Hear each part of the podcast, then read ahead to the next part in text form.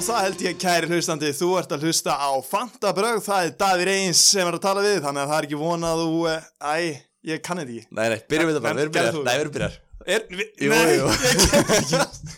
Eins og þið heyrið þá fekk ég bara reynsluboltar útvarpinu með mér Davíð Reynsson af 8, 8 FM Velkomin Eh, Ekki lengur á 8 FM. Nei, en hérna- fyrverandi útvarpsmaður Já, einmitt. Jú, Jú, jú. varstu flottur í útvarpinu maður. Já, Glory Days. Já, það er ástæðan fyrir ég fekk þig Og frábærir hæfilegar í fantasy Já, já, algjörlega, bara, ég vil bara koma þér framfæri, bara þúsund þakki fyrir að vilja fá mig í þáttinn, en um, bara svo ég kynni mér svona stutt, þá, hérna, þá heiti ég sér að uh, Davíð Reyns, uh, flesti þekkja mér örugglega betur undir nafninu Fantasy Guðin, þannig að uh, ef þið tengir betur við það nafn, þá vitið þið bara að það er ég, Það er enginn, enginn sem að tengja við það við þig sko allir, allir tengja það. Nei en, uh, en já, takk fyrir að koma, velkomin í þáttinn Og bara, vá hvað er erfitt að vera Arons megin Já, þetta er svolítið, þetta er annars, önnur staða, sko, Ég er alltaf bara, ég, sit, ég kem alltaf bara mæti og bara geða chillar úr farþegin. Já, þú veist, Ha. þannig séð sko En hérna, og hann er búin að græja allt og hann er með tíma, þú veist, rekkar þetta og er bara með allt klárt, skilju Mm, mhm, Ég sitt bara og svara, sko Úr með fyrirliðabandið. Basically þannig, sko Já, ég meina, ég, er- ég líti á mig samt sem fyrirlið þáttanir, sko Já, þú er Eða, það. Alltaf var núna, skilju, ef við tökum eins og FNF blöð skilgringuna, þá er alltaf, ég mæti Já, já, já, algjörlega. skróp aldrei Nei. nema þarna eitt tvær ykkur um daginn En Mega hér sens. er ég hérna. mættur, Já. hingað er ég komin Við og, byggjum ekki um mikið meira. og bara, vá sko út af því að þú ert að spila þetta fyrirlega hlutverk þá verður svolítið að hérna, leiða mig í gegnum þetta ég er svona svolítið, veit ekki alveg hvað ég er að fara út í Já, þú vildi fá sérfræðing, þú fegst hann vissulega en ég hef aldrei gert svona podcast út áður þannig að þú verður að þannig að þetta er tíma sem þú ætlar að vinna með í þessu sko, þetta þú sér bara um ég sé um ráðleggingana Já, já. nei, nei, ok, Ok, ég- nei, nei, við sjáum Ok. bara hvernig þetta fer Já, já, algjörlega. Ég ætla að reyna mitt besta sem uh, dagskrá geraðar þáttastjórnandi og, og hvað þetta nú heitir já, já. uh, Þetta var solid umferð Góð umferð Herru, já, mjög góð umferð Hvað fegstu mörg stig? heyrðu, um, ég vekk 74 stig Það er rosalegt það er ágætt yfir eh, ágætlega yfir meðal, meðaltalið Já, meðaltalið sko, komur á óvart Meðaltalið var bara 48 stig Já, ég var að búast að það var eitthvað í kringur svona 58 já Þetta er sko það Þannig að eh, maður er ekki að kvart yfir þessu Nei, uh, Hvað veist þú? Ég 71 En ég er sko eiginlega 67 því ég tók á mig mínus fjögur stig Ég, Já, hérna, þú meinar. eða veist, ég fer yfir að hérna, eftir, þegar ég ætla að gera upp mittlið En, Nei, nei, uh, nei, en ja, hjólum bara, í að rífa- ég ætla að rífa plásturinn af Já. Af því að hérna, við fengum ábendingu á Facebookinu okkar frá uh, einhverjum, uh, ég man ekki hvað hann heitir sem að setti það inn að hafa- við töluðum alltaf bara um sko, stíin okkar í umferðinu en ekki hilda stíin okkar Já, já, já einmitt. Hvar við stöndum, ég er svo sem er ég te- segi yfirleitt hvar ég stend overall en, en ég er satt ætla að halda áfram að deila því Nú er ég komin upp í eh, 2,4 miljónir Þetta er svo gott grín sko. Nei, meni, ég er búin að fara upp um sko meir en miljón Já, já, í tveimur umfyrum geggjaðar árangur Ég, ég, ég sko, akkur er prófað, ég, þetta er alveg gaman Já, það, Ég hefði átt að prófa þetta fyrir bara að sökka illa fyrstu tíu umfyrinnar byrja á botninum Já, þú, Og- það er engin leið önnur heldur en upp og núna, ég, mér líður svona mér líður þessu að sé fýtt í þessu Já, þið liðið þannig um, En þannig að já, ég ætla að rífa plásturinn af og ég ætla að leifa þér, já, ég er með 596 stig total, ég ætla að leifa þér að taka þínar 10 sekundur á mótni í að segja hvað þú ert stattur í heiminum og með hvað mörg stig. uh, Tíu stig, nei, tíu sekundur Já, fljótu bara. Ekki að lengja eitthvað aðeins Nei, Já. nei, nei. Heyrðu, ég uh, í heildina er ég með 716 stíg og það gerir það að verkum að ég stend í uh, overall 44.520 uh, Eh, á Íslandi er ég nummer 132 Já. um, þannig að þetta hefur bara gengið þrjusu vel hjá mér Fram á vonum, jafnvel. já, bara pari myndi ég segja. Bara, Hérna- bara, já, hún vannir þessu. já, ég er mjög vanið En þessum það, árangri. ég meina top 50.000 í heiminum og í, í líka þú veist, tímabili eins og þessu þar sem þetta, þetta er bara búið að vera einhver algjör þvæla. þetta búið að vera bara eitthvað sko þannig að hérna, sem er svo sem hægt að tólka á báða vegu en, en Mhm. ég verð að taka hatt minn ofan fyrir þér þetta er, þetta er flottur árakur takk fyrir, takk vonum fyrir. bara að það, vonum bara að það haldist, haldist út Jú, jú, Herra, ég var að skoða hans liðin okkar, hvernig þetta gekk algjörlega þú byrjaði það, Já, byrjaði þú já, og svona ég sko- séu ætla- hvernig þetta gerð uh, Pope var í markinu mm. og hann held reynu og vekk nýjusti ég var mjög ánægð með það svo sem kom mér ekkit óvart að að börnlega heldur hreinu á heimaðalli Nei, þegar nei. að verið að gera það en uh, en þetta var bara solid hann skuldaði sem svolítið í clean sheet var það ekki Jú, það var svolítið síðan að þeir mættu Chelsea á heimaðalli mm. mm, veist, þeir hafa eiginlega bara haldið á, hei, á reyna á heimaðalli já, já, já. þannig að hérna, hann, við meina gerði það og bara flott, Mm. Soyonku já, svo jónku eftir góða framistöðu í síðustum verð þá vann hann sér einn tækifæri í byrjunliðinu hjá mér já, og hérna, og honum, eh, hann brást ekki nei, áttastig, solid varafyrirliði minn Jethro Willems ég er bara að verða bara að setja spurningaverki við þetta hvaðan kemur þetta Þetta kemur bara úr, ef þú hlusta á síðasta Já, þátt jú, síðasta sem þú þátt. gerðir held ég já, þú Er það veist, ekki? það er eitt sko að, út af því þú er svolítið búin að vera að vinna með það að segja eitt og svo svona detti í eitthvað annað, skilur þannig að það komur að bara, mér finnst það ótrúlegt að þetta hafi verið það sem þú stóðst við setja Jethro Willem sem vara fyrir Hann var varafyrirliði Já, já, og hérna og fekk tvö stig mm.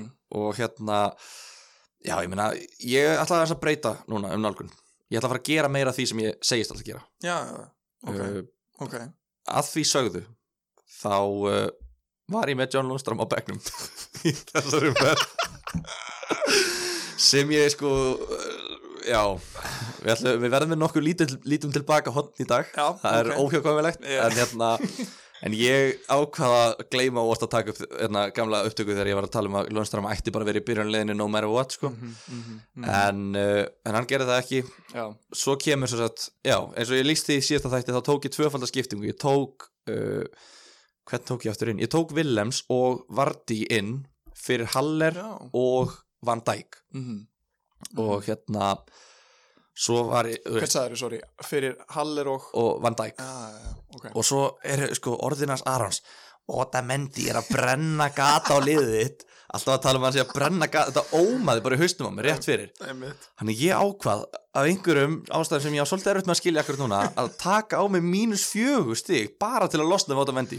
Það meika svo mikið sens Er það? Nei Nei, mér fannst það, þetta var, þetta var panik, ég er ekki búin að vera mikið í einhverjum paniktransfer, þetta Nei. var paniktransfer. Það var Mm. panik Ég var bara rétt fyrir þetta, ég bara, shit maður, þú veist, ég verð að gera þetta. Þurftur að losna við hann Ég veist, Mér líður vel með að vera laus við hann, en ég tók inn Adam Smith í Já. staðinn og þú veist, sparaði með miljón, þú veist, er með miljón í bankunum núna, en hann fekk eitt stig, vonbrið að Bormast Njúkast að laga farið eins og hann fór. Mér finnst það reyndar ekki, þú veist, Adam Smith er svona gauður sem er á eh, ekki það að séu margir á óskalistunum mínu hann er svona einn af þessu fáur sem að ég getur svona alveg vilja að hafa í liðið mínu sko. Já, þú kannski tekur ekki mínus fjögustig Nei, til ég að sleppi því taki Nathan algjörlega. Smith en þetta var meira svona bara til að losna við og núna er, ég fekk svona, ég fekk svona tilfinningarskoðarlega mitt svona, ah, mm, mér líður vel núna mm, Já, þú veist, mér þykir væntum, ég er búin að svo innilega hata alla leikmennina í liðinu mínu já. núna lengi, einmitt núna líður mér vel og ég er með, hérna Marshall deliveraði, mm, ótrúlegt hann hafi bara fengið tíu stig út úr þessu leik, Já sko, komum kannski meir út í það á eftir með,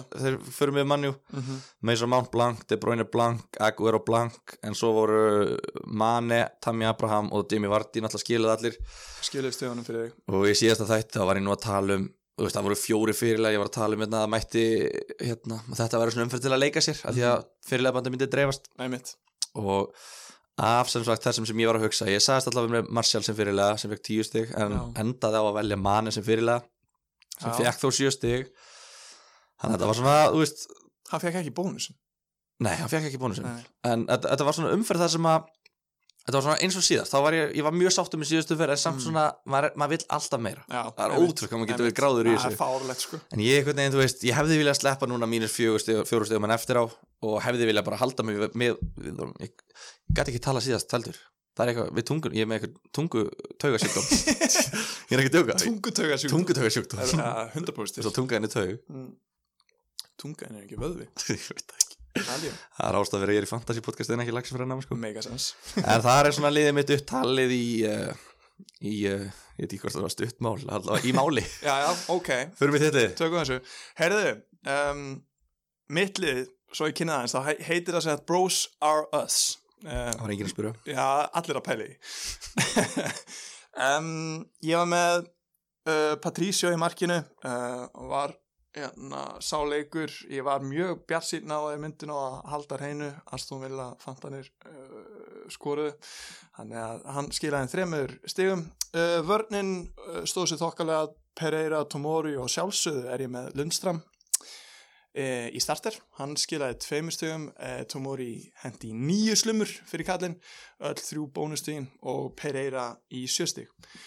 Um, smá vonbrið með miðina mína, ég, ég er með Jarmo Lenko, Kevin De Bruyne og Daniel James, hendu allir í tvist, um, svo var ég með e, nýliðin í liðinu, það var Sala og hann hendi átta og svo Mane með sjö og svo fremstur var uh, Tammy Abraham með 8 og svo kaptinin minn Jamie Vardy Þú hittir á fyrirlega 24 Jú, Sko. snakla maður sko ok, nú ætla ekki að vera eitthvað kljúa atomi en í þessu þætti en Jamie Vardy, hún er að vera á eldi að spila mútið Arsenal maður hefði alveg getið gert, eh, gert sér þetta í sko. höfund Já, já Það var ekki, það er ekki í sjokki að hann hafi skorað sko. Nei, nei, þú veist, ég fatt alveg gambulum með það að setja á mótið City, skilur, uh, mann eða Sala eftir, eftir hvernig sem þú ert með, en mér finnst Vardi alltaf vera miklu meira safe bet, þannig að ég Já, valdi þú hann. náttúrulega getur tekið þetta save betta því þú ert í top 50.000 sko Ég get gert það. Ég var Það í er topp 3 miljónir Ég get, það, það er það sem að mér veist svo erfitt við stöðuna sem ég er í og, Já. og öruglega, rétt.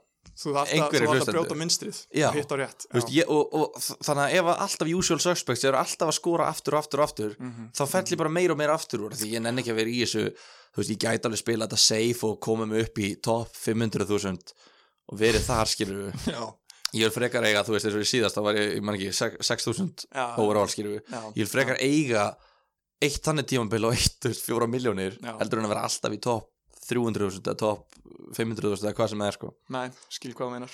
þannig að uh, Þetta er Já. svolítið, sko, eftir fyrstu umferðina þá er þetta basically bara leikur. Þú að leika á, sko, ekki endilega bara að velja réttu mennina heldur vera svolítið að s- lesa í, sko, anstæðingana í dildinni. þetta er rosalega félags svona fræðilegu, eða sálfræðilegu leikur Eh, Algjörlega, sko. en þú tók Sala inn fyrir þessa umferð Herri, já, það er mjög áhugavert pick sko. fyrir City, Já.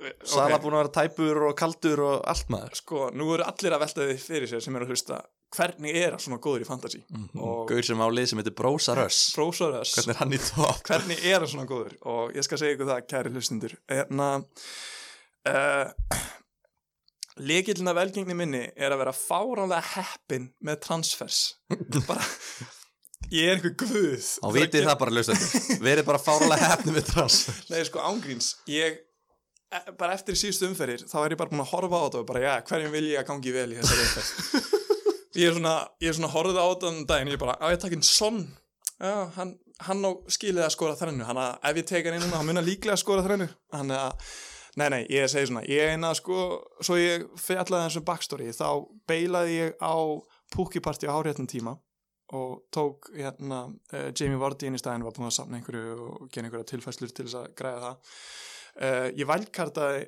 í þriðju game week eða, sjöndu var það í sjöndu Það nei, er ekki. það var fríhitt í sjöndu Já, þú tókst frí hitt í Já. Já, alveg búin að Já, já. búin að- búin að fríhitta, búin að vælkarta Já, já að áfrangak en að Hérna, og uh, þá beilaði ég þess að þetta púkiparti á háréttum tíma og svo núna er ég búin að pyrra mig mjög mikið á Störling síðustu leiki og það sem ég gerði núna var einmitt að beila á uh, Störling, taka inn Sala uh, ég beilaði reynda líka á þann að einhverjum einum í viðbót Með svo mánt Mason Mount, akkurat Tekur Dan- Og tók tekur inn- Daniel James tók inn fyrir Daniel Mason James. Uh, ég veit ekki alveg hvort það hefði verið góð ákvörðin uh, eina pælingin var að mér fannst eitthvað, ég var eitthvað að horfa á Chelsea prógrami, mér fannst það eitthvað svona smá hérna, leðilegt Þú meina Ala- Vestam heima, Astofvela Nei. heima, Everton út að Bornað heima ég horfði Ertu að bara, tala um það program ég horfði bara á mann sitt í leikin Ég sé það Þetta Nei, er nei, ég var geðveikt svona- program sko næstu fimm ég leikir veit það, sko málið er að ég á, ég á svo gott í bankan til þess að bara taka hann strax inn aftur skilur. Já, já. ég ætla að beila bara á hann á, í þessum mann sitt í leik Kanski inn fyrir Jarmo Lengu e, sem er búin að vera kaldur Eh, Já, trú Ég, ég er reyndar sko Ég er eiginlega meira, eða nei, mér, ég bara elska Daniel James svo mikið, núna er ég látað tilfinningar Já, já, ég, ég er alltaf ekki Ég ætla að hlífa það við því að Já. nefna það sko Þú ert náttúrulega, ég veit, þú ert manni stuðnismæður Já, trú Já, Jarmo Lengu með ein- eina stóðsendingu í síðustu fimm leikim það er ok, skellir við Spurningum að fara að skila honum En sko. Já, Föru kannski yfir svona pælingarnar sem þú ert að, eh, já, hvað þú ert að pæla eh, þegar fyrir fjöllum um hittum við fyrir næstu umferð. já, Við gerum, við, við, sko, við, ég ætla að segja bara núna, því Já. við fengum fullt, við höfum aldrei fengið að marga spurningar á Instagraminu. Nei. Mhm. Og hérna, förum yfir það gæðu setna, allir að followa okkur á Instagram, Facebook, Fantabröð, Nöðsilegt hérna, og það var, það var einn, nenni please að tilkynna að þið verðið með annað þátt fyrir landsleik mér þykir svo væntum að það er svo, það er svo gaman að heyra það algjörlega þannig að, þannig að ég ætla að tilkynna bara hér með mm. að ég veit ekki hvort Aron verður komin ég held að verði komin já, þannig að við ætlum að hafa hérna og þér eru auðvitað búið með fyrst ég er að nefna þetta já, þeirra það er þannig ég er svolítið við vekkjana Geðveikt.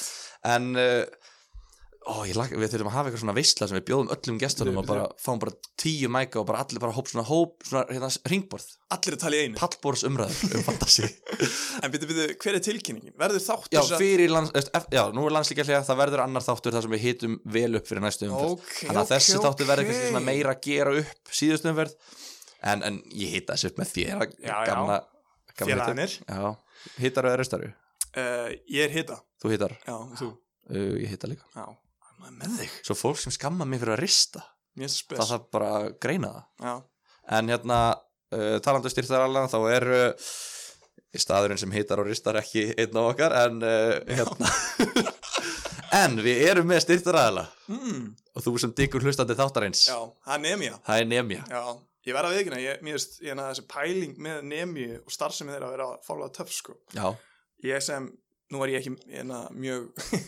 duglegu námsmaður sem mentaskóla skóla krakki en hefði svona hefði svona góð engakensla staðið mér til búða mikið á þessu tíma þá hefði ég örgulega staðið mér betur þetta er líka ekkert eðlilega sko að þú rýnir aðeins í úrvalið að enga kennarunum sem eru hjá nefnju já, þetta er ekkert eðlilega gott hérna. Í alvörunni? þetta eru bara, bara duksar og semidúksar og hérna, þú veist, fólk sem er bara var á fullu í félagstörum, þetta er bara, þetta er bara allt lið sem getur komist inn í Harvard, sko Já, ok. og ég er ekki að djóka neitt, sko í alveg ég, bara, ég var að skoða þetta um daginn, þetta er bara þetta er rosalegt line-up sem þau eru með svakalegt gengi já, okay. okay. þannig að hérna, ok, á þess að ég vilja eitthvað eða fála miklu tími að auðlýsa sponsorna, hvað kostar ein, enga tími í dag? uh, fyrir framhalskólan nema er það 5.000 skall tíminn, Það er Ah, nú, hvað er það, klukkutími? Já.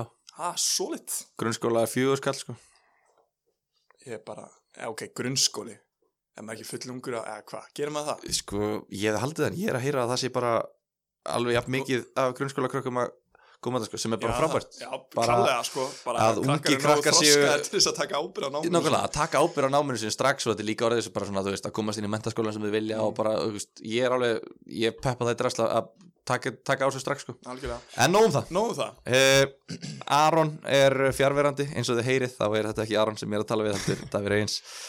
Uh, hvað er liðans Arons hérna? Þú veist, Þetta eru svo sorglegna, liðans Arons, you better check yourself. ah, Mjög smitt betra Mér finnst, Better check Segir hann, er það You- P? E you eða- better Já, check. You better check Þetta er, Mjög Þetta sprósur eru- er betra mér finnst þetta allt vonuleg, sko. Já, herru, hvað Mitt lið Flanagas Apple, það er Það er hart, sko. hræðilegt þetta er allt umulegt En að, hann fekk 71 stig, já, sjálfur. Saman þú já, nema hann tók mínus 8 stig og kannski svona að því ég man og núna, Aron, nú veit ég að þú ert að hlusta ég man þegar ég var í bandaríkjunum og þú varst að tala um liðið mitt þegar ég fekk 19 stig ég man að þú hlóst þannig að nú ætla ég að hlæja þess að þér, þú seldir Tomori sem fekk 9 stig Níu fyrir stig. Sojongu 8, haha, hver er sökkir núna 19 stíðin mín voru kannski lélega en 71 stíðin þín er ekkert sérstaklega ég meina að, að taka mínus 4 stig fyrir að tapa einu stíð þetta er náttúrulega bara ok ömur, nei, nei hann hitti fyrirlegan, hann var með vart Já, hann er með Vardí Já, hann er með Pulisic uh, Ég elska örlíðin vestora Já, Pulisic þann í Sala skilaði ánað með hann að hlusta á GT og, og slefti að selja Sala já, Já, þú veist, hann er hérna bara hann er í, overall er hann 1,2 miljónir mm, Ég er að saksa á hann Head to head deildin okkar, þar sem að hann aftur, Aron, þú hefðir átt að fagnaðast meira að vera 4-0 yfir í head to head því nú er staðan orðin 5-5 GT er á rönni hérna í... Já, Já, ok bara head to head og ég er á rönni, sko Mm. Ég er 5-1 í síðustu 6 Hvar, hvar stendur hann overall?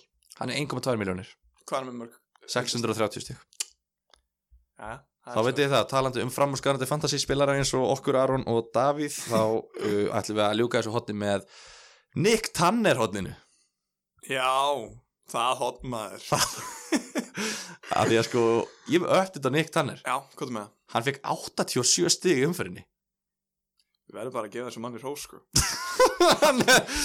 en gæinn Mm. fekk mínus, hann tók mínus 12 stig í transfer Ha? hann átti eina skiptingu, hann gerði fjórar og hann endaði með 87 stig og gaurinn kom út í pluss Bítu, bítu, bítu, bítu Við fengum þessa ábendingu frá hlustanda hann seldi De Bruyne tvö stig, Störling tvö stig, Mason Mount uh, tvö að þrjú stig En að- og Aubameyang tvö stig veistu Hvað- hvað hann tók inn? Hver að Hérna, tók hann inn?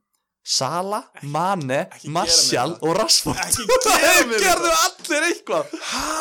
Þetta er eitthvað, talandi um að vera eitthvað, eitthvað guð sem að segja, ég ætla að láta þessum ganga vera Heyru, Það þetta, skil, nei, þetta, nei, þetta, ég er bara lært í lögfræðinu, þetta eru bara innherjasvík. þetta, þetta, Hva, hvaða upplýsingar hefur þessi maður? þetta er náttúrulega fyrir, fyrir um leikmaði Leopold Það er ekki flóknir. Þetta er fyrir um leikmaði, hann er, Herðu, já, já Og tekur inn Sala og Mane þegar skora báðir getur maður, Tilviljun getur maður í porta þetta? Ég er búin að því Já, gott. fekk hérna neytun en hann sem sagt sorglega droppa niður í annarsætið Já, en Ok. þetta, er, þetta er bara galið Þetta- Hardy Fyrli, hann er með hérna framlínuna sjö fremstu, Mattisson, Sala Marshall Mane, Abraham, Rashford, Vardy Mm. mm. veist, hversu mikið satisfaction er að Já. skoða liðið þitt og þú ert bara jésu sko finnur hennan mátt innra með þér bara. já, já. herðu, þá erum við búin að gera upp Já. mörg liðið og fara að gera upp þessu umferð Já, gerum upp um fyrir hennar. hjólum að þetta hérna, þetta byrjaði allt saman á föstudagsleik Mm. sem að var rosalega óspennandi Já, og einhvern veginn, horður á. hann? ég gerði það Já, ok, alvöru, alvöru sko. mennaður. ég veist, ekki metnaðar, bara, bara sorgleg mér finn, ég gjössalega sko, mér, mér líður sorglega að hafa gert það Já, þú veist, það er bara eins og það er. en ég gerði það og ég get ekki engum, uh, það er engum ég get ekki falið maður baku það Það er skemmtileg leikur. uh, ég, já, Já, bara fýtt sko, þetta er náttúrulega Norwich Watford Já, um, þetta var, þú veist, eru, eru Norvins bara alveg, s- a- alveg gældir eða? nei, þeir voru betri en Watford sko en Í þetta eru alvörunni? þetta eru bara tvö championship lið Já, að já. spila sko Einmitt. bara tvö léleglið, bara virkilega léleglið með lélega varnir Mm. og léleg só, öst- sóknin ekki með nóg mikið gæði til að geta refsa vörnunum Einmitt. en mér fannst þetta samt einhvern veginn þessi leikur var áhugaverður í ljósi hvernig hann fór Votford hjælt treinu Já. og uh, þar er ég með eitt sem að ég var að pæli þetta, spurning, þegar ég seldi út á mendið og var þetta að taka annarkvort Adam Smith eða Mm Darrell Janmat Já. og hann er með fjögur hrein lög í síðustu fimm leikum Já. sem sagt, Það er uh, Votford er með þrjú hreinlaug í síðustu fimm en, en hann mætti með fjögur af því hann var tekin út á móti tóttunum áður en tóttunum jafnaði Já. svo er hann með stóðsendingu líka veist, hann er bara á fljúandi ferð síðan hann kom inn í þetta hann mista byrjunum á tímanbölinu, ég veit ekki hvort hann var mittur eða eitthvað Nei, nei, nei. og hann er bara á 4,3 ár Mm. og ég er svona að hugsa hvort að Ben Foster er alltaf geggjari í þessu leik Það þeir eru að fara inn í þetta skítaprógram þetta umferð 15 til 18 er leiðilega fyrir Votford Já.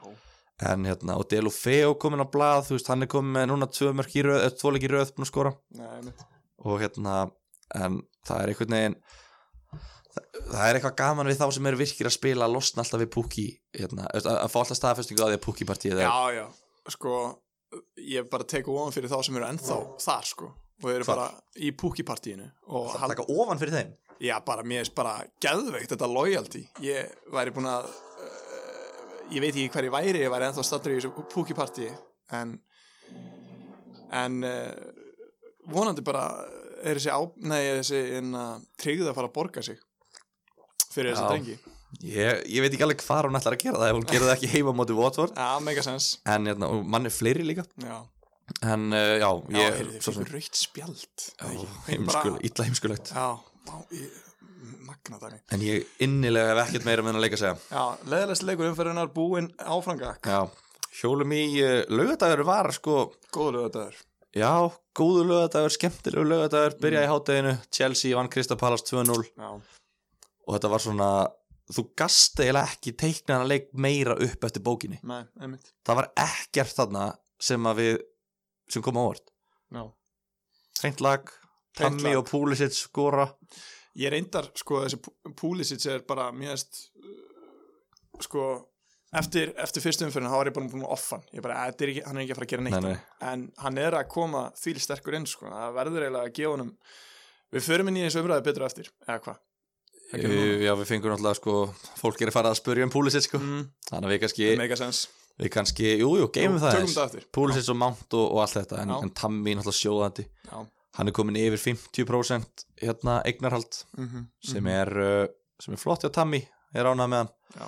og uh, þ- þú veist, ég var að tala um þetta við Aron, hversir, hverjir eru virkir af því að Lundstram og De Bruyne eru bara með 40 eh, bara, jú, þeir eru bara með 40% Já, einmitt. en hérna, þannig að ég er að spá hvort að Tammy með 50% sé þá staðfestingin á því að það er helmingurinn sem er að það að spila þetta já, nákvæmlega sem þýðir að ég var neðstur fyrir tveimur umfyrir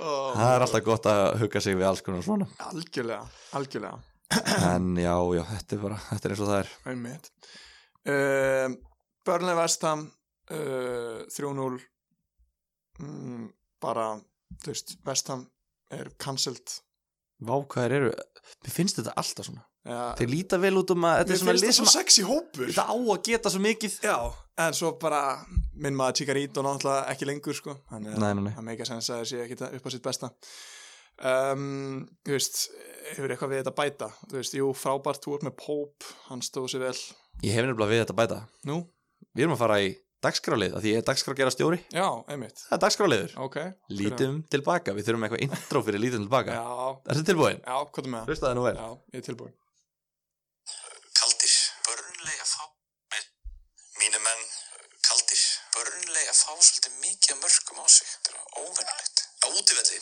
Já, þjættir heima mínum að þið En ég, ég veit ekki hvað Ég hef ekki sko Ég þarf að fara að heyra í Í Asli Barnes og Chris Wood Já Tjekka þess á þau Peppa það aðeins upp Þetta er ekki alveg Wood er náttúrulega búin að vera meittur Já En Asli Barnes, ég veit ekki alveg hvað er að gerast þannig Ég þarf að fara Ég ætla að senda línu á hann og hérna, og ég er nokkuð vissum að hann verður komin í gang í næsta leik á móti vestam heima. Þannig að ef það er einhver með hann, þá hérna, ekki þið hafa áhugir. Ég skal sjá um þetta. Mínu menn, kaldi. og eftir átta leikja markaþurð kom Asli Barnes á blað uh, þetta var leiðilegu dagskáli Ertu eitthvað rugglaður? þetta var mjög leiðilegu, já, já, hefur Asli Barnes konstablað, það er rétt til hamingju Vá, eitt bitur Hann, var búinn að, hann skoraði í fyrstu þremur Já. Svo kemur átta leikja markaþurð Já. Þar sem hann hvorki skorar nér leggur upp Fær mest tvö stig Mhm. Ég sendi á hann línu þú sendir á hann Ég línu sendi á hann línu Ég sagði, blessaðar, heyrðu, hérna, nú er ég bara komin í ábyrðhlutverk í samfélaginu Ég fann að stjórna fantasy þætti Og líðurinn er að trillast Þú ert að valda okkur mikill óhamingju hérna Og við erum að fá veturinn inn og skamdegist unglitið og allt þetta Ertu til í að gera mig greiða Af því að ég veit þú getur það Ertu til í að potin einu á móti vestam Mm. Og ég fekk bara svarið bara yes Þú veist hann er alltaf mikið að gera hjá honum Já. Hann gæti ekki verið að svara eitthvað Sagði bara Hello, yes. hann sagði bara hey, yes ekki eins og í káaf eða neitt K.F. Barnes Nei, hann sagði bara yes já, ok, og hérna og ég, ég er náttúrulega, þú veist, eins og ég segi, ég vissi að þetta væri að fara að gerast þannig að já, ég ránar að hafa komið þessu til skila til uh, hlustenda áður en þetta gerðist og vonaði einhver að við tekir ráðanum eins og allt þú veit þá fylgdi ég að sjálfsögðu ekki mínum eigin ráðum og tók hann ekki inn nei, nei en það er eins og það er og ekkert nýtt undir sólinni þar hann er á 6,3 Chris Wood er á 6,2 ég mm. meina Chris Wood, hann er með sko hann er með 5 mörk í síðustu 5 leikjum sem hann er búin að spila hann er komin, komin á meðslum og skora strax og það var margt ekki af hann um þetta var já, ég, ég, er, ég, ég veit ekki, jú, hann er alltaf mittur en ég hefði, ég vil hafa Chris út í liðinu mínu já ég er að pæla að taka hann inn Þú veist, já, já, jú, jú, klálega um, Ég Ég bara sé ekki einhvern veginn alveg að jú, hann, jú, jú, það er alveg fyrir point að taka Chris út inn Hann er svona gaur sem er að fara að skilin einhverjum svona einu töfum mörgum einu, tveimur, hann er með fimm í fimm Nei, sko. hann er, hann, Nei, hann er ekki víst. að halda þessu neitt áfram jú, ég ert eitthvað rugglaður Chris Wood er ekkert að fara að halda einhver áfram einhverju marka maskinu Ó, þetta, sko, þetta er allir lítum tilbaka þetta, Mm. þetta er allt bara svona kemur náttúrulega til minn Já, nú finnst mér svolítið eins og þú sett að reyna að búa til lítum tilbaka með að láta mig segja að hann muni halda Það- þessu. það er að hann vera- á Votvort og Kristaf Palas í næstu tveimur það þarf að vera eitthvað innihaldi í þessu þáttu hjá okkur hvort sem ég er, get en það er bara alveg fá- lofað þér því Frábært Votvort og að Krist- geta reyna að monta þenni í framtíðin að ég elska Chris Wood Votvort og Kristaf Palas hann áttur að skora tvö mörk í þessum leikjum Töðverk já Ok, ég er bara ég ætla að áfa það. Þú ert fyrsti gæðin sem ég heyri sem að er ekki að peppa lítum tilbaka Þessi, þetta er búið að slá, þetta er búið að slá gegn hjá okkur Ég er búið slæðu gegn hann alltaf, ég er alltaf ekki með neina rattir hérna hjá, nei, nei, segir svona hérna, jú, klálega uh, ég, ég, ég til í þetta bett það, ég hlakka til að hlusta á lítum tilbaka liðin, hvort sem að Chris Wood skoraði ekki hann verður bóttið ef hann skoraði ekki já, já, gott, bara eins og allt eins og allt annað um, áfram gakk Já, Newcastle Bournemouth 2-1 mm, Djúvel eru Newcastle segir já, maður veit einhvern veginn ekki hvernig leikin er að fara sko. Jú, Nei, Newcastle mér- vinnur Nei ég, ég- sko, þegar ég horfa á þegar ég horfa þegar ég sé að liðið mitt sé að spila móti Newcastle þá gæta, þá gæta verið svona Newcastle kemur allt í hennu bara með einhvern 2-0 sigur, 2-1 sigur er þeir búin að vera að halda hreinu um, Nei, þeir heldur hreina á móti mannjú Þeir eru Já. með þrjú hreinlög það, það er hérna, eh, það er bara bæld minning hjá mér Já, já, ekki hjá mér, ég mannast því ha, flott, Þegar Longstaff skoraði, hann flott ha, eðislegt uh, Newcastle er búið að halda hreinu oftar en Leopold á þessu tjómbili já, ok það Þannig er, að reyndar alveg, já. er, er það þess vegna þú sem er Jetro Villen sem hérna var að fyrir það uh, Newcastle er búið að fá á sig fjögur mörk á heimaðalli Það er bara eitt lið Það búið að er fá á reyndar- sig færri mörk á heimaðalli heldur en Newcastle og það er Leicester ágæti stats uh, Já, já, ég er með meira fyrir þig mm, Ég er náttúrulega elska að læra heima já, hvað er með Kieran Clark það mm. kemur inn í vörð Newcastle í áttundu umferð á móti Manchester United mm -hmm. Deandre Jellin kemur líka inn í vörð Newcastle á móti Manchester United í áttundu umferð og fram að því voru þeir búin að vinna uh, einn leik síðan þá eru þeir búin að vinna mannjú tapa mútið Chelsea 1-0 jafntöflið Wolves, vinna Vestam og vinna Bournemouth já sko jú, klálega það er alveg fyrir punkt í þessu Þetta er bara tölfræði já, já, þetta Þú er getur ekki, mikið flóknara ne- þú en getur það. ekki afnætt Klárlega. tölfræðinni Ertu, myndir þú ráðleika hlustundum að setja traust á hérna Newcastle vörnina? um, Ég myndi fara varlega í það að ráðleika það en ég er bara klálega eh, ef þú þórir að taka hennar sjens. ég, veist, sko, ég, er ekki, ég er ekki með uh, Willems út af þeir halda hreinu Nei. þó þeir séu búin að halda hreinu oftar heldur en Trent og Robertson og Van Dijk og allir sér kallar sko Já. en uh, Karpnú er lengi á Viljansagnum. svona þrjárum fyrir okay. síðan á móti mannjú kannski, Já, ok. ég veit það ekki alveg en hérna Kieran Clark er búin að skora í tveimilegjum röð Mm. þannig að ég vil hafa varnamenn í svona litlum liðum þú veist, eins og döng Já. gott að ég vil hafa varnamenn, ef ég ætla að vera með varnamenn í litlum liðum þá vel ég varnamenn sem er líklegur til að delivera Mm -hmm. þú veist, fra, fram, framalega líka svo Já. svo Jónku, ég hugsaði að mér finnst ekkit ólíklegt að svo Jónku skori úr hotni einhvern tíman, Nei. hann er einmitt. stór og aggressífur, þú veist, hann á að geta Mhm, skora úr mhm. hotni Já. Johnny Evans er ekki að fara að skora úr hotni fyrir mér, Nei, nei. þannig að ég tek frekar svo Jónku um, þannig að það er svona lókikin allavega á mér, en þú Uh, myndi ég ráðleika Newcastle? þú mátt segja og sett ekki með eina lókik Ég, nei, sko, staðan er svolítið bara þannig að Newcastle er bara svona lið sem ég hef ekki pælt alveg nógu mikið, í, ég held bara fyllilega að viðkynna það. Já. Það er svona lið sem ég hef ekki mikla trúið fyrir að horfa á nöfnun á blaðinu, ég hef, þetta er ekki leiki sem ég nenni mikið að horfa á. Um, Jettur og Viljans, ég hann er með 42 stig, það er alveg, hvað kostar hann? Fjó- Fjórkom, hann var að hækka hann í 4,6 núna Já, einmitt. Þú veist, á þess að taka einhver ábyrðaði, jú, jú, uh, worth a shot. Já Þú veist að ég er alveg aðrir Sojóngu er hann, hann er ennþá, hann er á 4,8 held ég Sojóngu, Já, Lester eru bara orðnir þvílið þjættir, Mhm. svo erum við með Kurt Zuma á 4,7 held ég hvort sem að ein, eintungiði. Hann var náttúrulega ekkert eðlilega lélugur sko, en ég svona ég, ég fekk svona, ég mundi af hverju ég elskaði hann svona mikið í gamla daga þegar að ég sá hann að sprettina saman til Ajax Já. Búin að sjá hann? Skærin, sjálfsög Skærin og bara, þetta var bara eins og hann var að keppa í þriðaflokki bara, Ó, hvað það var fallegt Hann tók þetta bara á sig Já, en málum með Newcastle er að þeir eru í góðu prógrami Já, Það er ástæðan fyrir að ég er með þá hún meinar Næstu, þeir eru með sko, hvað, 1, 2, 3, 4 Þeir eru 5 af næstu 6 leikjum Eru bara helviti fínir Já.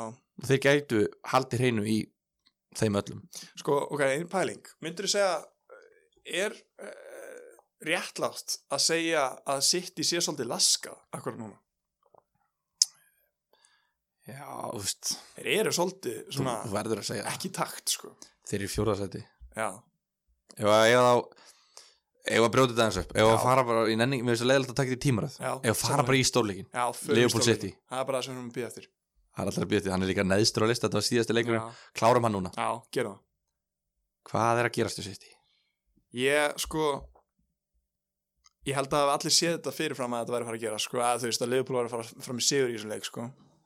en þetta var svakalett maður nú, nú þú sem dómari Trent hendi, Ef að taka þetta takt þetta Ég er bara ó, ég ætla það- ekki að taka neitt slafi, ég ætla bara að ko- koma með greinu Nei, ég bara, ég vei, þú veist, maður er búin að vera í þessu dómarasamfélagi í tíu ár mm, og bara, og við dómararnir bara búin að innilega fuss og sveia yfir þessu umræðu svo Mm. ótrúlega lengi, þetta er svo leiðilegt já, og maður er einhvern veginn, ég veit það ekki, en ég er náttúrulega að vera að viðkynna það samt, sko, ég er svona ég er að fjara hans í hratt út úr þessu, maður er ekkit Mhm. eftir að hætti þá er ég náttúrulega ekkert búin að vera að pæla í þessu neitt mikið, já, en uh, eh, þú veist, þeir ákveða bara að það væri ekki hendi Já, það, það er allir að tala um að Bernardo Silva hafi fengið hann í hendina á sér áður en að Trent fara hann í hendina Já, en var getur ekki gripið inn í það er í nokkuð vissum Já, Ég var ekki, eða ég, býttu, sko, hæ, jú, ef það verður ef það verður mark Já. Ef að Trent hefði ekki fengið boltan í höndin á sér Já. og Bernardo Silva slær boltan til Störling sem skorar Já. þá er marki dæmt af Já, já. út af hendi Mm. og þegar að sókna menn skora með hendinni eða leggja upp mark með hendinni þá skiptir yngum máli hvort það er óvart eða hvort hann snertir litla puttan eða hvort hann kýlar með nefanum Já,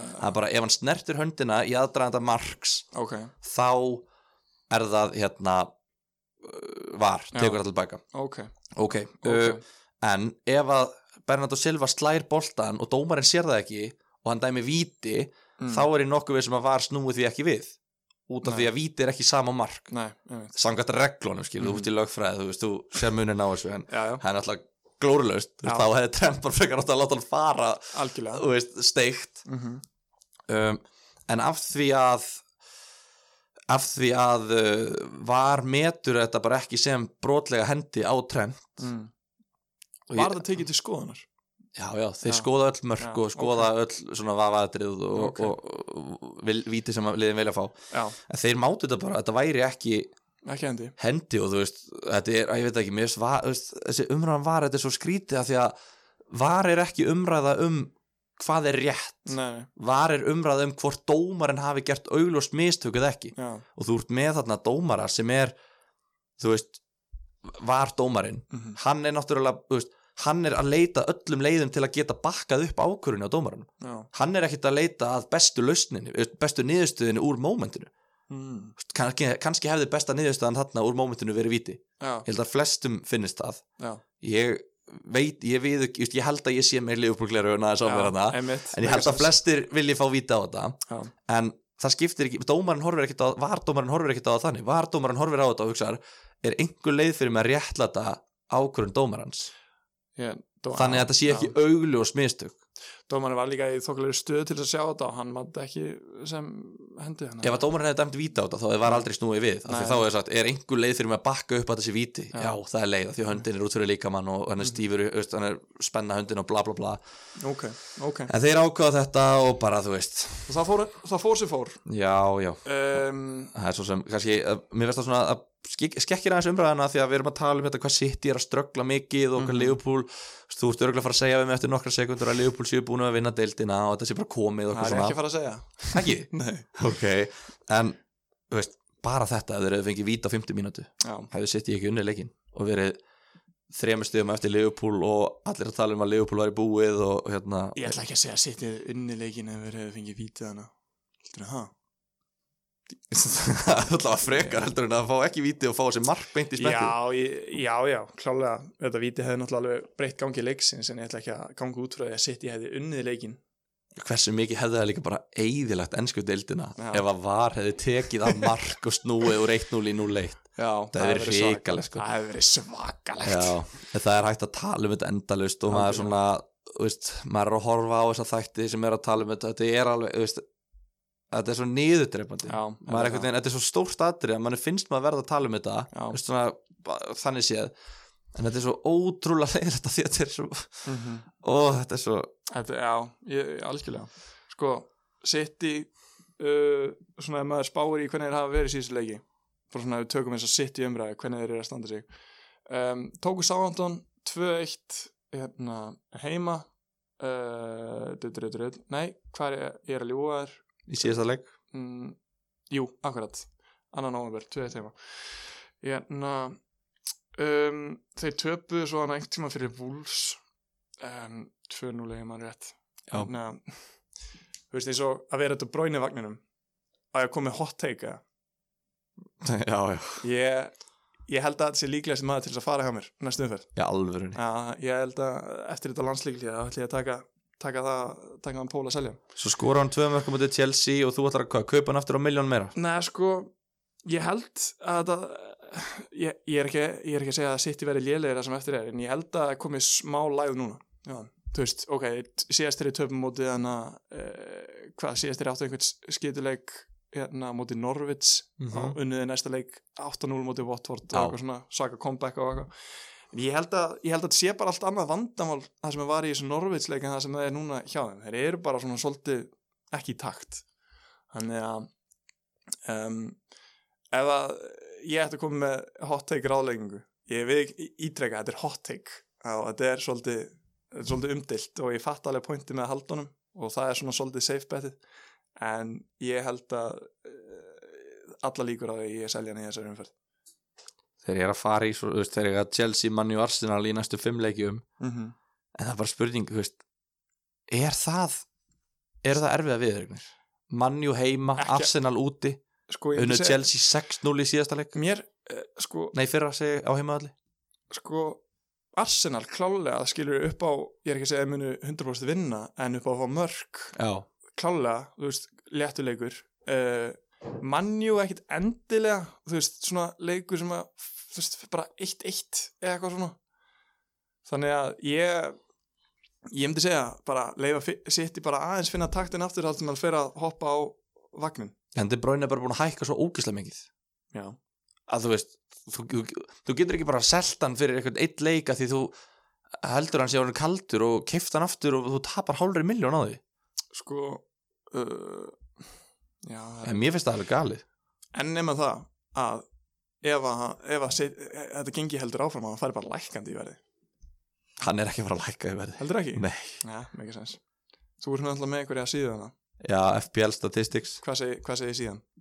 uh, hann er ekki að fara að lækka Enga líkur Nei. okay. Tök því, herru um, Aðrið leiki sem við þurfum samt að ræða Það er Erum við United búin með þennan leik? Já, það ekki Þú ættir að tala um hvað Liverpool er góður? Æ, þú veist Mér langar að tala um Ok Liverpool? Segðu hvað Sala um Liverpool- og Mane skoruðu báðir og nú er Liverpool að fara í geðveikt prógram mm, Það er slett Nei, ég meina, ég, ég, þú tók Sala inn fyrir þennan leik Já Þú ert komið með Sala og Mane mm -hmm. ég er búin að tala um það núna í svolítinn tíma að mig langi að vera með Sala og Mane Mm. við erum að fara í sko Crystal Palace, Brighton, Everton, Bournemouth, Watford Þetta er sexy program, við ekki ná svo reyndar ég átöndu fyrir að spila þér engan leik út af þeirra að fara í háum fjöluslega Einmitt en sko ég bara, það er þessi ökli á Sala mm hann pyrra mig feitt ef, -hmm. ef hann væri bara heill í öklanum mm, og hann kvinkaði sér hann í sittileiknum hann Já. fekk eitthvað högg á öklan mm, mm -hmm. og ef hann væri með heilan öklað ég myndi, ég myndi taka mínus 6-8 stík bara til að ná honum minn Já, já. Ég, eh, það var einmitt tekið sem ég tók á þetta, skilur, að City væri svolítið úr takt, seldi Störling inn með Sala Já. og ég, ég sé ekki fram á, ég minn eitthvað tapa því, hérna, því betti, sko. Nein, ég reyndar svo ég viðkynni að því að maður hefur ekki alltaf rétt fyrir sér Mm. þá sé oftast Hmm.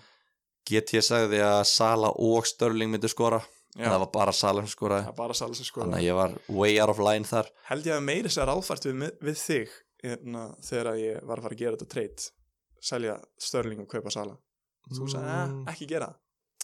Ég sagði, jú, Davíð, gerði það. Ég gerði það. Þú vorst að búa eitthvað til í haustum að Nei, ekki býja þetta Jú. er skrifað á Facebook sko Nei, ég man ekki eftir því Beinustu leið áfram. og ég ætla að segja eitthvað, ég man það ekki Eh, Eitthvað meira sem vil bæta við hennan liðupúleik Nei, ég kem það bara með það eftir, það var einhver eitt punktur en ég er búin að gleyma honum um, við, þurfum, við þurfum að tala um United-leikin Já, Áður en við förum í Leicester, Tottenham og meira Já. þurfum við að tala um United já, um, Það er svo gaman Þú veist, ok, þú ert liðupúlmaður og farð, finnst gaman að horfa á fótboltaliðið þitt spila, skilur Núna ætla ég bara að fá að segja það er svo gaman að horfa á þetta United-lið sem að byrtist hana það sem að, er, að þetta eru bara ungir, hæfilegar ekki strákar að leggja svo mikið passion í þetta þegar þetta byrtist manni og uh, þessi leikur var, mér varst það svo ekki ekkert ógeðslega falleg mörg hana hjá Pereira og þetta sjálfsmark hvað fannst þér það? Þetta var ógeðslega Þetta, já, ok En þessi bara, e, þessi, þetta flæði hjá þessu gæm og Daniel James svo þetta, því miður að skora ekki drengurinn ámælistæði sinn, en það er svo gaman að horfa á hann taka þessa spretti og stinga bara menna af eins og ekkert sé eðlilega Þú ert líka búin að vera að tala um með að Jamesin í fyrstu Já, sko. já, já, já, það er bara, alltaf verið á vagnin þú veist ekkert um hann Ég bara veit við fyrstu umferð, hann, sl- hann slýsast í einhver tvö mörk í fyrsta leik og þú Væntanlega, ert bara ekki, þú ert bara með plakkat á, veg, á vegnum heima hjá þér skiljanlega Bara, já, við erum að halda þessu faglegu hérna, sko. nei, nei, herri, þetta er faglegt hérna podcast eins og ég sagði, ég er fantasíkuðin Ég vel hverjum gengur vel og þú tókst James inn og hann blankaði Já, hann vann, skilur Ha? en, en það er ótrúlegt að manni og ekki skora fleiri Já, Rashford vá, hefði átt að skora svona Rashford. 3-4 Sko, greiði drengurinn Skilur, ok, hann var, hann var góður í þessu leik ah, Mhm. Svona, jú, maður Já, getur já. ekkert farið fram á mikið meira Skilur, en þessi færi sem hann er að klúðra Díó mío Þetta er, eh, að því guðminn góður á sko. ítölsku Skilur, eh, hann Akkur Ég- kannt þú ítelsku?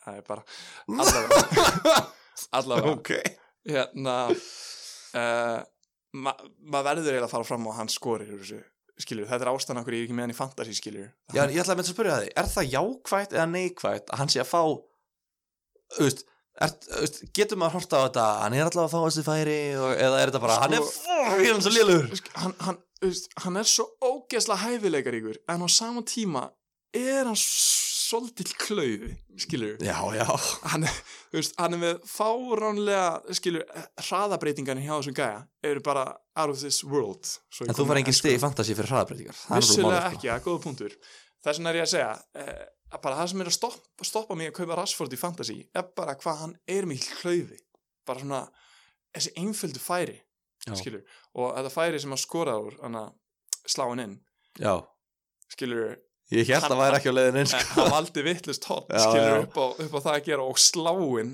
en við muna, mark við bið- þurfum ekki fram að meira Nei, nei, þannig að ég svona 8, hvað er hann ekki, 8,6 miljónum jú, drengur, eitthvað svo leiðis ég eh, Hann er hækkað í nótt held ég eins mikið og ég fíla hann ég get ekki réttlætt það ákvörðun að taka hann inn í liði allan eins og staðan er, eh, eins og staðan er núna Kanski ekki líka því næsti leikur er úti á móti Sheffield já, trú En eftir það, þú veist eða, Jú, svo sem, eftir það þá er afstofvela heima já, Svo kemur Tottenham og City mm er ekki Everton hann ekki stað líka Jú, en það er spurning hvort við býðum með að taka hann inn þangað til eftir já, City-leikin já, Þá eru þau, með, þá eru þau kominir í fínt prógram já Everton, En- Watford, Newcastle, Burnley Þá eru þau komin í jólatörnina og jólatörnina er alltaf erfið og ég, einhvern veginn Ég er ekkert rosalega spenntu fyrir henni Það er svo erfitt að reikna út hvernig hún verður Mhm. já, akkurat En ég, já En Rashford og Martial eru náttúrulega valjúin já. Eh, í liðinu síðan Martial. ekki gleyma Daniel James Það er ekkert valjú í Jú, honum Davíð. herri, Davíð. sex- herri, Ég þarf að kalla það 6,2 Daniel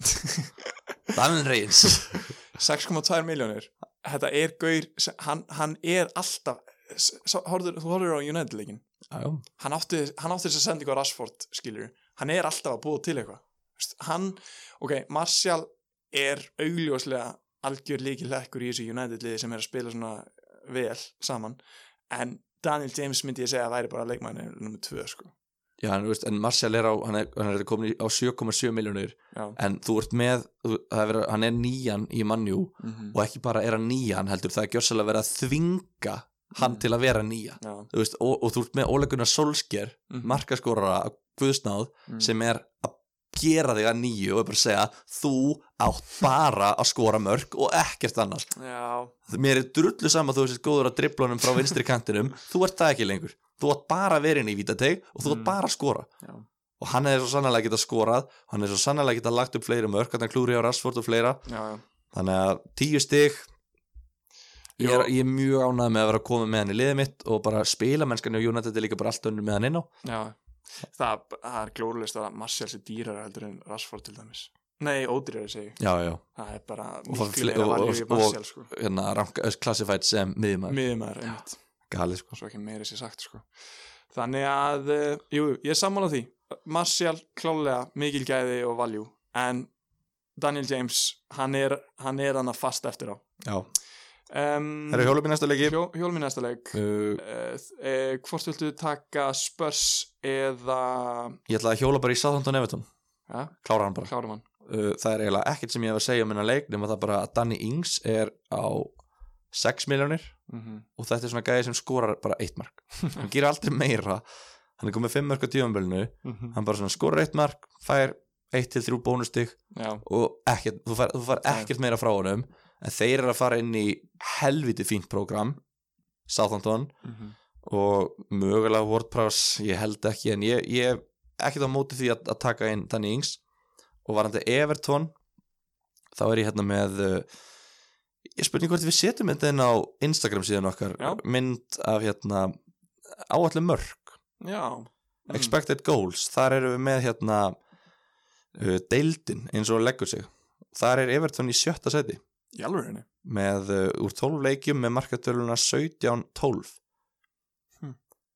og expected goals sem þeir hafa fengið á sig eru þá 12 mörg í 12 leikjum en þeir hafa í raun fengið á sig 18 mörg já, þannig að það er alveg uh, Vá. suttalegu munur sko algjörmunur gaman samt að sjá Gilva að spila já, ná verið inn í þessu liði það er fakt já við, við heng, hengum aðeins á fantasy þú ætlar ekki að hoppa á hann aftur eða nei, ekki Billy hann, hann er, Komandi bráð. vorum að tala um þetta í síðasta þætti hann er einn af þessu mönnum sem að ég, ég, hann þarf að hlína fyrst til að ég taki hann sko einmitt ekki eins og salaða störling, ég gæti tekið þá inn kalda og þeir hittna í liðinu mínu sko það er akkurat það sem var já, algjörlega annars er bara það er ekkert að segja um, um Everton meira sko nei, saman aftur bara þeir, þeir eru Norvis í næsta leik þannig að þeir sem eru með Dinja mm haldi honum í eitthvað ekki viðbútt treysti GT og svo með skilunum að þeir eru að vera í viðbjúslet prógram Eh, Spurs Sheffield Spurs um, ég held að næstumferð hjá Spurs verði góð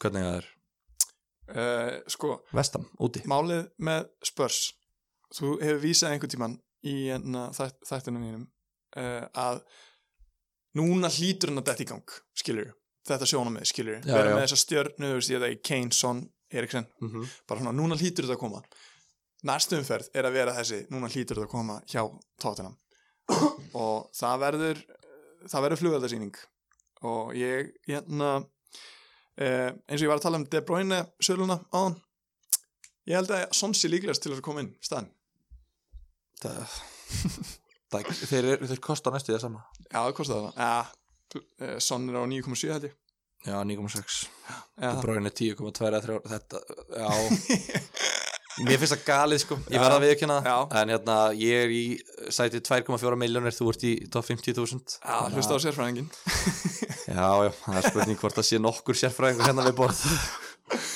Tveir Ég- trúðar að Herru, leika sér herru, við skulum bara ræða þetta í næstu umferð þegar að Spurs bustar vestam Já, já, en uh, hefur eitthvað við þetta að bæta Sheffield, gott lið mm, já, ég meina þú veist Tottenham, málið með Tottenham, þeir eru búin með 12 leiki Það er eiginlega einn þriði af tímabilinu búin já, það er rétt, og þeir eru búin að eiga einn þægilegan sigur og það var 4-0 á Crystal Palace nefnitt Allt hitt þú veist, þeir hafa eh, einn annar leikur sem þeir hafa unni með meira en einu marki, það er aftur vilja í opnunarleiknum og það var helvítis bast dreadful, tóku það í, í lokin Já.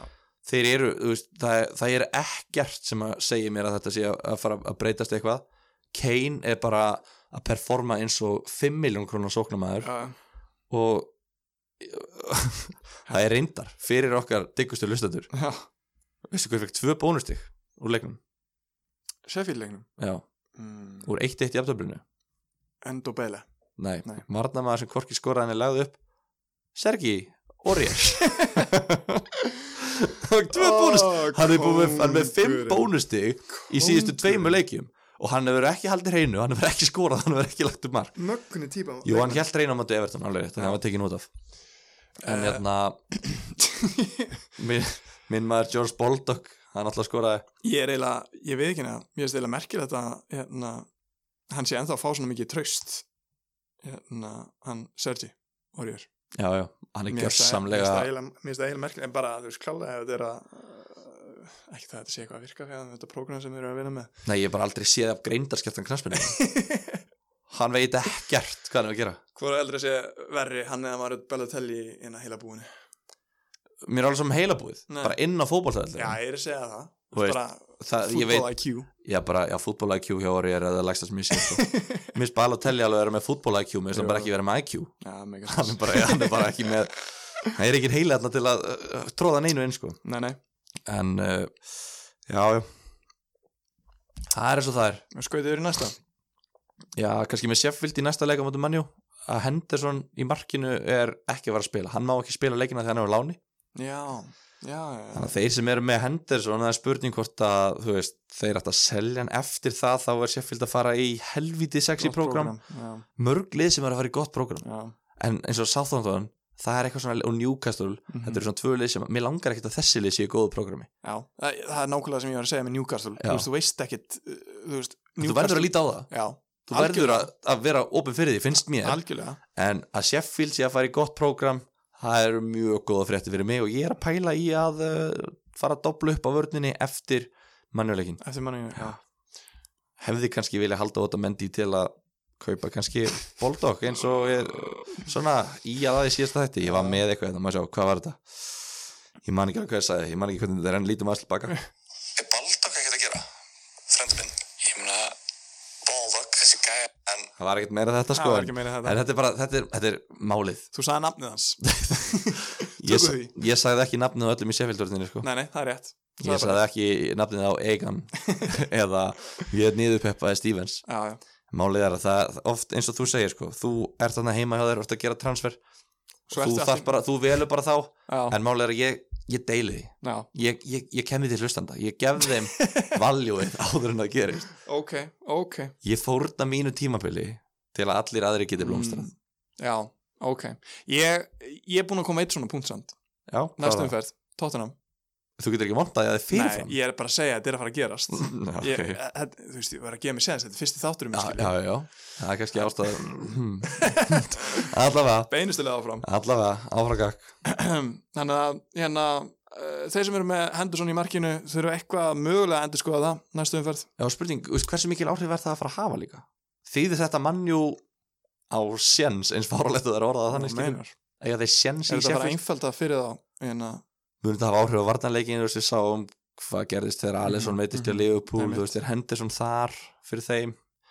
Þeir eru eitthvað til að pæli, Það- ég, þetta ég hef er- eiginlega engin svör við þessu. já, Ég hef engan skoðan, á- ég, Nei, af því ég fæ alltaf svona tilfinningu að ofan Já. fyrir það sem ég er að tala um. mm Ég, ég hef ekki fengið hann að með þetta. nei, einmitt En þetta við vorum að Það tala á hann um, Henderson eins og alveg í síðasta leik um fjóra vörslu skilur þú veist, þeir eru alveg að fá skota á sig af já, já, já. dræmi liðu tóttunum sko Já, já. Þannig að, En hérna vorum að tala um á með Chelsea 2-0 sigur, svona hversu mikið við gátum hversu mikið, ótrúlega mikið það var eftir bókin já, einmitt hversu mikið var Lester Arsenal eftir bókinni að vissi þetta allir að vissi þetta allir 2-0, Varti deliverar, Matisson deliverar Tílemans deliverar, mm. Sojongu heldur hreinu fær bónus, já, Pereira fær bónus þegar líka, Matisson fær bónus, Varti náttúrulega þrjú, smækkel Arsenal getur ekki neitt sko uh, þetta er bara sko þetta er bara, ef, ef að liði þetta er að kempa mútið Arsenal og þú ert með strækir í, í þessu liði bara, yes, geggjum inn á, kaptinn, skilur Já, já. þetta er, eh, þetta, er, þetta, er, þetta er hræðilegt það sem er í gangi í þessu liði Þeir eru vonlausir já, skil, skil ok, þeir eru búin að eiga aðeins betra tímabil heldur en United, en samt bara hvað þetta er andlust einhvern veginn hjá þeim alveg klórlust og svo eiga þeir samt gott prógram Þeir eiga og þetta er svona gott lið sem prógram. að vill ekki eiga gott prógram það er samt einmitt þú ert bara eiginlega sama stað á Newcastle upp á það að gera þú vilt ekkit þú vilt ekkit fara að kaupa ösil þannig að við fengur þetta spurningu Já. um það hvort það var fyrir síðasta þáttu eða þennan ég man uh, ekki alveg hvað var, já, en hvort að ösil væri inn Já, hvort við ættum að taka inn Özil en hérna, ég held ég að við með þess að svaraði bara strax sko, bara stutt að svaraði bara nei láttu það vera Já, þetta er náttúrulega bara eins og við tölum um þetta er bara one man team og, Mhm. og bara er bara hann er með eitt mark í síðustu fimm leikjum mm -hmm. það er ekki 11 miljón króna sóknamaður, nei, nei.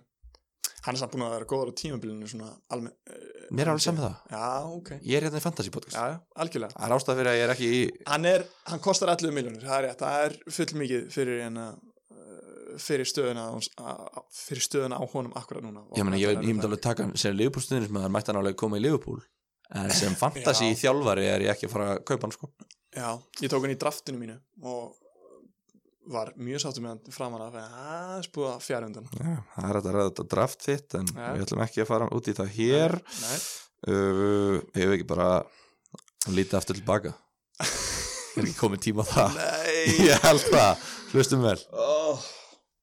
Þannig að Ég veit ekki, mér finnst Mattisson, hann er Það er valjú í honum held ég Það er valjú í Vardí, það er valjú í Sojónku Það er valjú í Tílemanns, myndi ég að segja Já, mér finnst svona Tílemanns, Chilvel Veist þeir svona Já, sko, smækkel Koma í einhverju svona bjöflokki hann á eftir minnur Já það- Þú veist, alls ekkert að ég hafa þá eða kaupa þá, en ég myndi segja Sojónku, Vardí, Mattisson væru best sko, já og hverju voru þrjú stigastu leikmennir í leiknum, Davíð? Þetta er aðeinslegt getur þið sagt við það? Já, þú mátt eiga heiðurinn að þessu ég vil ekki Hafa taka þátt Vardí, Mattisson og uh, Sojanku þessu. Æðislegt. við þurr, sko, þú getur fuss á svega þú getur Sko, komið þetta sem það einhver vissu bílubúki all- innan þátt, Það Davíð vissu allir að Vardí og Matti sem voru að fara til lifur á móti Arsenal já, menn, akkur er þetta ekki með Mattisson í liðinu þínu? uh, Það er ekki- það er ekki pláss fyrir hann Hmm, ok, en Ég- ég ég- allavega sagði það Þú getur verið vittur eftir á, ég var vittur fyrirfram og þú getur komið þetta sem eitthvað fílupúki og niðurpeppa þetta en uh, þjóðin uh, er hrifin á þessu og Þjóðin svo ætla ég bara að elskar vera hreinskilin Já, má ég vera hreinskilin mm, hvað þú með það? ég bara nota þetta til að fylla upp í efnið á þættinum Já, já, algjörlega, það er ég, bara þetta er það bara mitt, hérna, Þetta er eitt- eitt innslag mitt innslag sem mm. uh, þáttagerra stjórnandi Mm. og dagskargerðamæður Mhm. að hérna, þetta er bara svo við séum með eitthvað content að því ég fekk hérna vittlýsing til mín í stúdíóið við höfum ekkert að ræða það viti þannig að ég ákvað bara að finna einhverja svona móla Já, já, bara flott heimaðun en ég var búin að, búin að hóta því í síðasta tætti og síðasti leikurinn er Wolves Aston Villa og það er ekkert um hann að segja nema Nei, við nennum því ekki að Jimenez skoraði en einaferðina og það er bara eins og við erum búin að tala um lengi það valjú honum þeirra prógram og bara takki Jimenez inn ef að það hentar ykkar peningaplönum Já. Hann er svolítið dýr eða ekki Hvað er ekki, 7,4 með eitthvað Jú, Nei, hann hann er komin í 7,3 Mm. Já, hann droppaði nefnilega niður í alveg 7,1 Já, já, já, einmitt búin að hækka en hann er farin að skora og, og Já. þeir eiga Bournemouth, Sheffield, Vestham og Brighton í næstu fjórum Ú, það er enda sexy program og svo Tottenham og Norvils meira að segja og Jimenez hann er, hann er ekki svona gæði sem að þú ert að kvíla sko Nei, hann verður nei. kvíldur í einum leikum jólinu örgla annars er hann að spila, hann er að skora og uh, Wolves eru að ranka við sér Mhm, þeir eru að klifra upp töfluna mhm, mhm. Heru, þannig var, þannig var umferðin Algjörlega eigum við að hérna eigum við að fara í spurningar Förum í spurningar, vá, ég er búin að það er nefnilega, finnur þú hvað er gaman? Það er svo gaman ég fæ alltaf þessa tilbyggjum þegar Aron segir þetta því hann er alltaf með þetta spurningar Já. og ég heyri mig, ég held að yes, það- þetta er helviti skemmtilegt Ég veit ekki ekki hvað er að koma, skilur Nei, það, Ah, ég er, er svo það er spenntur. líka gaman sko. Ég ég, er veit, svo til í þetta ég veit líka aldrei hvað er að koma sko, því ég er aldrei búin að skoða þetta mm. Hvað er með þetta? Herðu, ó, Oh, ég er náttúrulega sem Aron skoðar þetta öruglega alltaf Já, meinar og er öruglega alltaf búin að filtera sko, svo kom ekki sömu spurningar Já, og eitthvað svona. já. ég veit ekkert hvaða spurningar þetta eru hérna um, hérna, Trent eða Robertson Trent eða Robertson uh, ah, Ég myndi eiginlega að segja Robertson já, uh, Já, ég Þetta er samt svo mikið bara uh, stál í stál, skilur finnst mér, Eh, hvað, eða hvað já, Er það skrítið teika?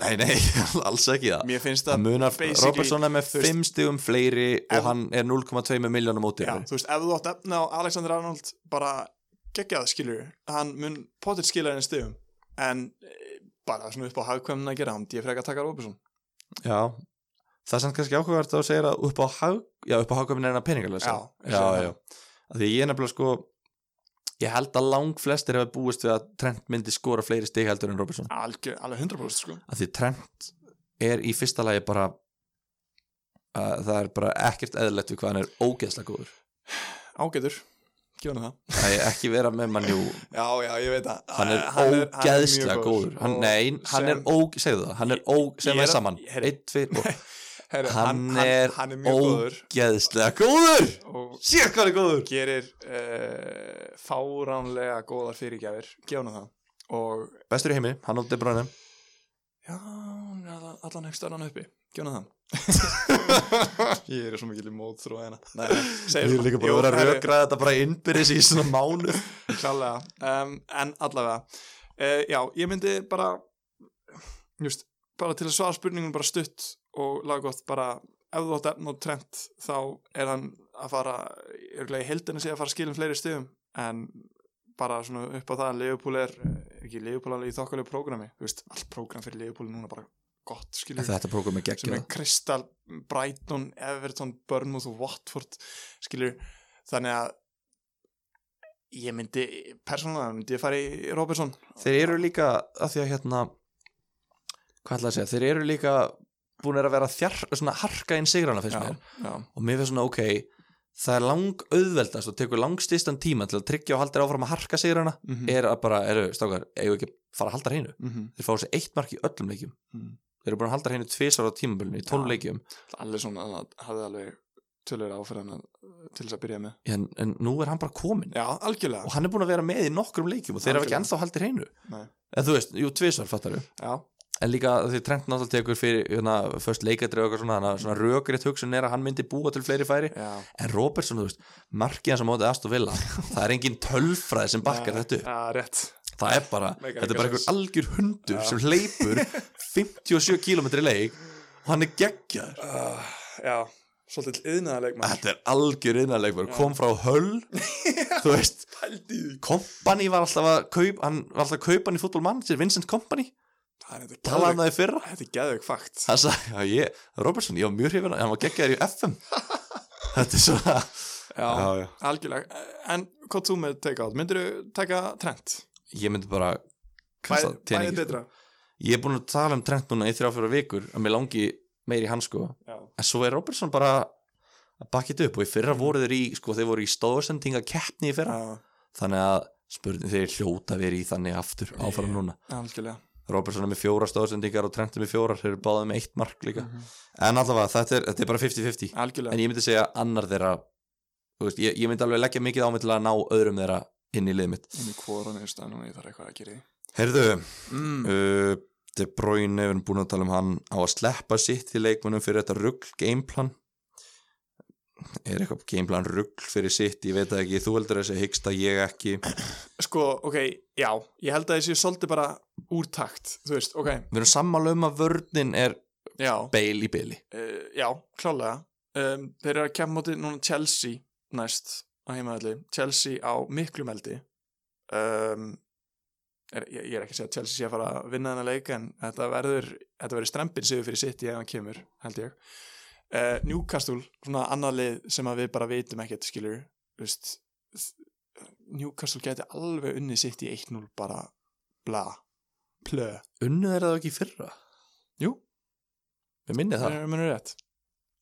manna ekki Jú, allavega uh, Burnley skilur eins og uh, eitthvað verið að ræða þú veist Burnley away heimaðalli hjá þeim já, það er erfitt að fara hann og vera með einhverja markar hreinu United, það er eiginlega það sama það er það er held ég, myndi ég halda erfitt að skora mörg mörg á móti United Arsenal, ok, klálega við erum með alla City mennina í móti Arsenal ég, myndi- ég bakka það upp 100% þannig að ég myndi segja að uh, ég er með Kyle Walker og De Bruyne í liðinu mínu akkur núna og mig langar smá að offa Kyle Walker sem allra fyrst og reyna að ná inn Robertson Hann reyndar með De Bruyne hérna í fyrstu sjö leikjunum er hann með tvö mörk og eh, níu stóðsendingar mm.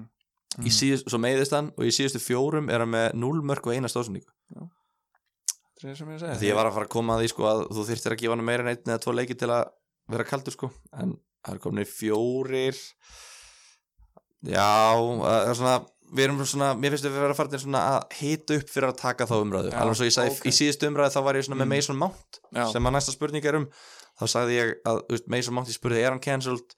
Nei, en það, er svona, það Nei. stýttist ég að við þurfum að byrja að ræða Mm. það Já, akkurat og núna finnst mér svona núna eru margir, það eru mjög margir að spurja um það Mhm. Mér finnst þið þurfa að fara að ræða það núna Mount eða Pulisic mm. uh, Þó svo ég hafi selt Mount núna í síðustu umferð uh, þá myndi ég alls ekki segja að hann væri cancelled Ég mynd, hann er sko, hann er svo augljós bara líkil fyrir Lampard Lampard hefur ykkur einu svo ógeðslega mikla mætur á þessum gæja skilur Já, já, þannig að, en þannig það gefur þér ekki fantasíst Nei, ég, það sem ég er að segja er að Chelsea er lið sem er á eldi Mount er leikmaður sem er að fara að spila mikið það, það er að fara að spi, skila þér í stíðum fyrir eh, leikmann eins og Mason Mount En er það að fara að skila þér fleiri stegum heldur en að þú væri með Pulisic Það er, Það það, er svo annar, annar vinkil ég, það, er það sem við erum að tala um Nei, þú, það sem við vorum að tala um hvort að Mount var í cancelled skilur Já, við. já, já Ég er ekki sam, ég, ég ætla að segja að Mount sé alls ekki cancelled en En Þú hvort vilt það, náttúrulega optimæsa liði Þú Já, vilt vera já, með eins klálega. marg Þú vilt vera með allra bestu leikmennu sem er Já. á flest stíin Já, klálega um, Pulisic vs. Mount um, ég persónulega mér finnst það eitthvað svo ósexy að vera með Pulisic í liðinu mínu og ég er eiginlega svol- svolítið hættu það þannig að ég ætla ekki að mæla með því að taka Pulisic inn strax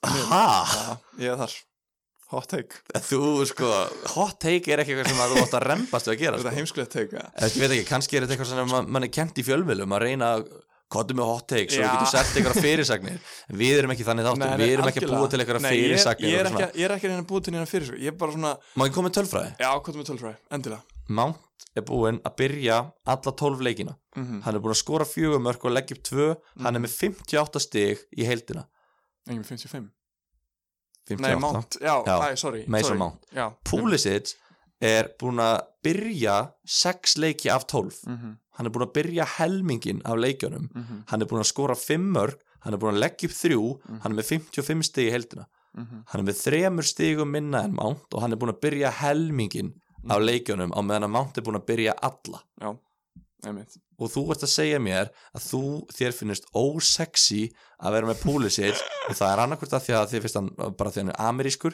eða það er það, vís eða að því að þú ákast það bara eftir fyrstu umferð að því að hann byrjaði ekki inn á Mm. að þú varst, þú, þetta, er eitthvað, þetta er eitthvað í haustum að sem að þú ert búin að ákveða fyrirfram og þú nærði ekki að brjóta út því Sko, ég er alveg, það gæti alveg vel verið að Það sé er eitthvað í hausnum, heyrðu, leið mér að klára það, heyrðu, það gæti alveg vel verið að sé eitthvað í hausnum á mér, ég er bara svona, uh, þetta er bara einhver svona gut feeling, skilur, sem að fær stundum, það Já, sem að bara svona einhvern veginn svona, ah, ekki alveg strax, skilur, örglega eins og svipað og þegar þú varst með í púkipartíinu, skilur, þú varst bara, aldrei í búkipartí ég er að segja það, þú varst bara með Já, þetta já, já. gut feeling, það var ekki að fara að endast, skilur, og ég er svolítið held ég með þann stað á Pulisic skilur þú veist, ok, hann er búin að skora hvað, þrennu og tvennu núna í síðustu leikjum 3-1-1 3-1-1, Já. ok 5 mörg í síðan þrjum já, ok um, þú veist, klálega impressive og geðveitt og vassmeðan í liðinu en uh, það er eitthvað, það er eitthvað hana, Já. sem að ég er bara svona uh, og það er náttúrulega líka sko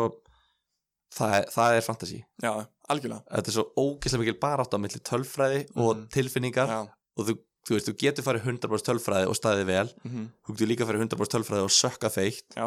þú getur líka farið 100% tilfinningar og staðið vel eða 100% tilfinningar og sökka feitt þú algjörlega veist, það, það er ekkert rétt eða rámt í þessu og það er það sem er svo fallegt sko já, ok, en bara til þess að ítreka að við innan hlustendur skilur í þetta Pulisic take on it er 100% tilfinningar það er ekkit, ekkit statistikli sem að bakka þetta upp sem Nei, ég nei. er að segja þannig að ef þú ert eh, t- í tölfræðliðinni þá er hérna klálega eh, þá er Pulisic alveg eitthvað sem þú ættir að, klála, að fara að skoða en ef þú ætlar að selja mount mm, nei, þú varst að segja að þú ert ekki mi- sko, myndirðu taka David Silva frekar innheldur um Pulisic um, nei, svo er náttúrulega Martial að er líka á þessu verði Marcel klálega frekar en David Silva David Silva, er búinn að vera- Pulisic og Martial eru allir svona kringu 7,5 miljónir Ja, eh, Mount er miklu ódýrið en 7,5 já, Mount- já, ég er að segja, ef þú ert að selja Mount Já, já, já svo Já. erum við Matisson líka Já, ég myndi frekar taka inn Matisson heldur en David Silva líka sko. hvað er Mount komin upp í? hann er komin upp í 6,8 mm og hann var að droppa í síðustum ferð -hmm. hann gæti verið að droppa núna ég, mér veist ekkert ólíklegt að menn sé að stökkva á Martial, Matisson og Pulisic fyrir Mount Mm David Silva er þarna líka ég held að Matisson, Martial og Pulisic séu allir heitar en David Silva akkurat núna -hmm. en Silva er svona leikmann sem að, þú veist, hann spilar einn og eitt leik og skora tvö mörg og leggur upp eitt eða eitthvað hver er svona mesta valjúið af þessum? Um, Mér hefði þennan eld sem að þetta lestilið er á að bara Þetta er bara slagur held ég milli uh, Matisson og hvað er ekki, er ekki Matisson í hvað, 7,4 sagði það ekki, 7,5 7,5 Ég myndi örgulega ef ég ætti að reyna að halda United tilfinningunum mínum í, frá þessu, þá myndi ég örgulega taka Matisson Já. En þú? ég er náttúrulega með Martial Já, þú ert með Marcel og ég tók Martial inn frekar en Matisson mm. og Martial, ég meina Martial fekk 10 stíð og Matisson fekk 9 þú veist að, ég sé ekki að muni einhverju miklu ég er búin að tala um Matisson og ég held það vantar hann, hann ætti að vera með fleiri mörk og fleiri stóðsendingar, þetta Já. er svona gæi sem er tölfræðin er með honum í liði Já. hann er að búa til rosalega mikið Mm -hmm. en þú veist, svo kemur að því að þú bara suma vantar bara eitthvað Mhm. Já, svona í lokin til að klára eins og Rashford já, eins og Rashford og mér finnst, mér hefur fundist Mattisson vera þannig hinga til en hann hefur svo sem ekki hann, hefur, hann, hann er að delivera Algjörlega hann er komið með fjögur mörk í síðustu sex leikjum sem hann hefur spilað mm -hmm. þannig að hann er svolít Og það lestilið bara fórlega skemmtilegt Þannig Já, geggjör en þá skemmtilega að hóra leikina þegar þú ert með Mattisson í liðinni sko. Myndir þú dobla upp í vördina hjá Lester? Hvað taka Sko ok, eins og núna, þá erum við Pereira Ég myndi eiginlega segja að Pereira er einn af þessum gauður sem við kannski talað svolítið lítið um sem er svolítið must have leikmaður Mér finnst hann eiginlega að vera á svipum stað og Robertson og þú veist, þessum Alexander Arnold Já, bara svona fárlega gott valjú fyrir hennar leikmann um, Sojanku, þú veist 4,9 miljónir ger inn Já. Það er bara ég er bara, þegar ég horfa á þetta ég er bara að selja Volker right now fyrir Sojanku Ég meina, Lester er búið að halda reynu þrjumleikum í röð já, Þeir eru með, af, af fimm stigastu vartamönunum á Lester þrjá þeirra mhm, og það eru með Pereira 61 stig svo Jónku 55 og Chilwell 54 Ég, og ræðum þetta prógram aðeins sko ég Brighton, Everton, Watford, Aston Villa, Norwich bílað prógram Það Af er eiginlega- hverju ætti maður ekki að dobla upp í vörninni? ég, ég bara sko, jú mér finnst bara, það er einhvern veginn, þú leitar alltaf mesta valjónu Já, já og þessum mér, mér finnst mér varst það bara eitthvað frekar augljóst að Sojónku væri mesta valjúið mm.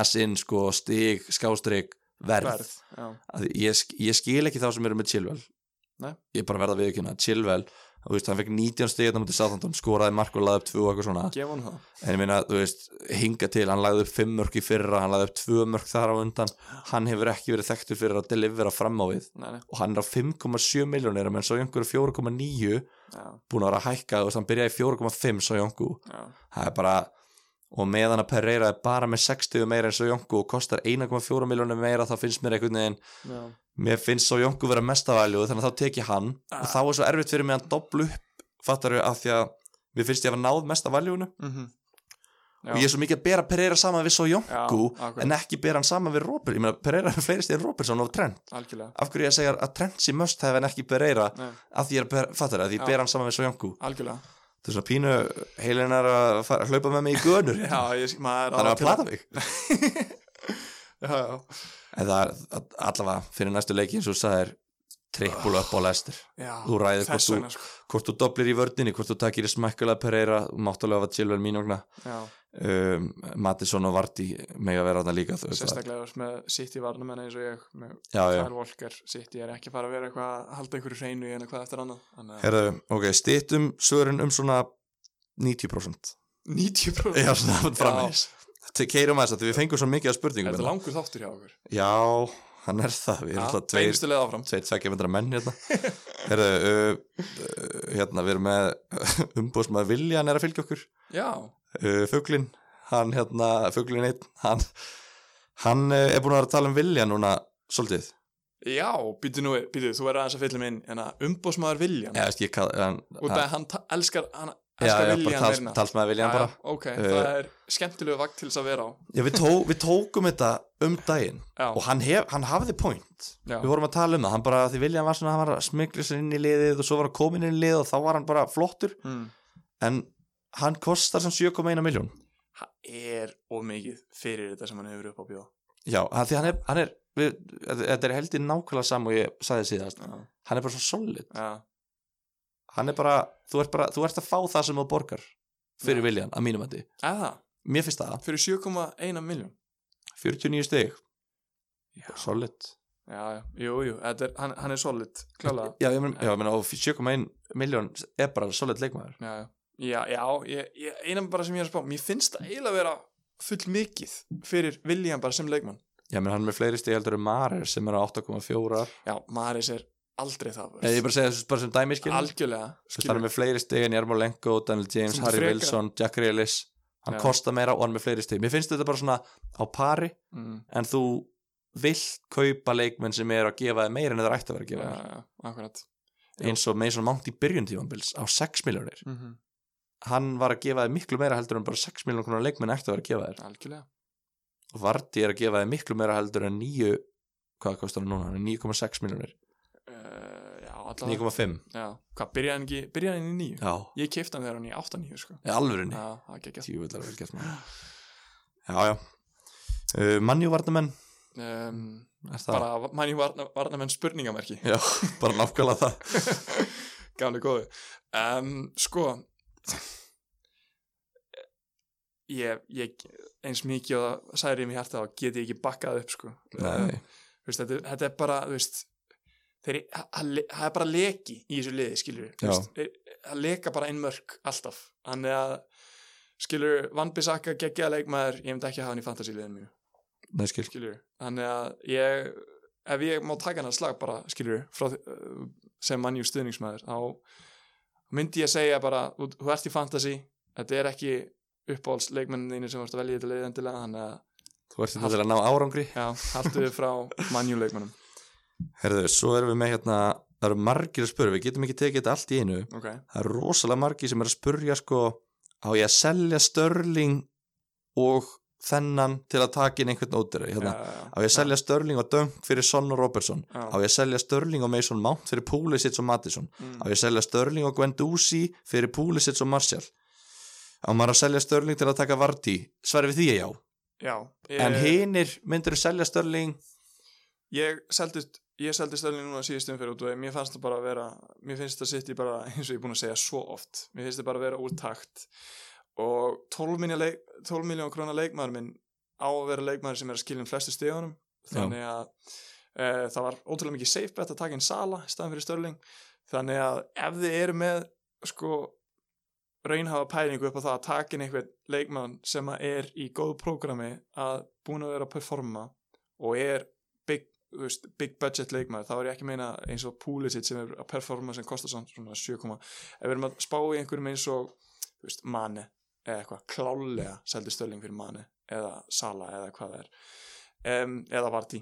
klálega vartí en ef þetta er eitthvað svona til þess að reddin einhverju skítamengst til þess að reddin einhverju vælkart eins og Martial eða einhverju já þá myndi ég ah, eiginlega ráðleikja frá því Já, myndir sko Störling líka, hann, hann, hann byrja á 12 og hann kostar 12 já, ef þú selur hann þá bara kaupir hann aftur ef Já. hann fyrir á stað sko akkurat um, en þetta er svona málið að þú þarft yfirleitt tvær, ef þú selur hann núna þá þarftu örgulega tvær skiptingar til að taka hann inn aftur já, akkurat uh, hérna er einn sem- Æ, kottu með hann, kottu með hann ég er svo til í þetta sem Arsenal maður ákvað ég að setja Madison og Sojongu á bekkin á ég ekki bara að hætta í fantasy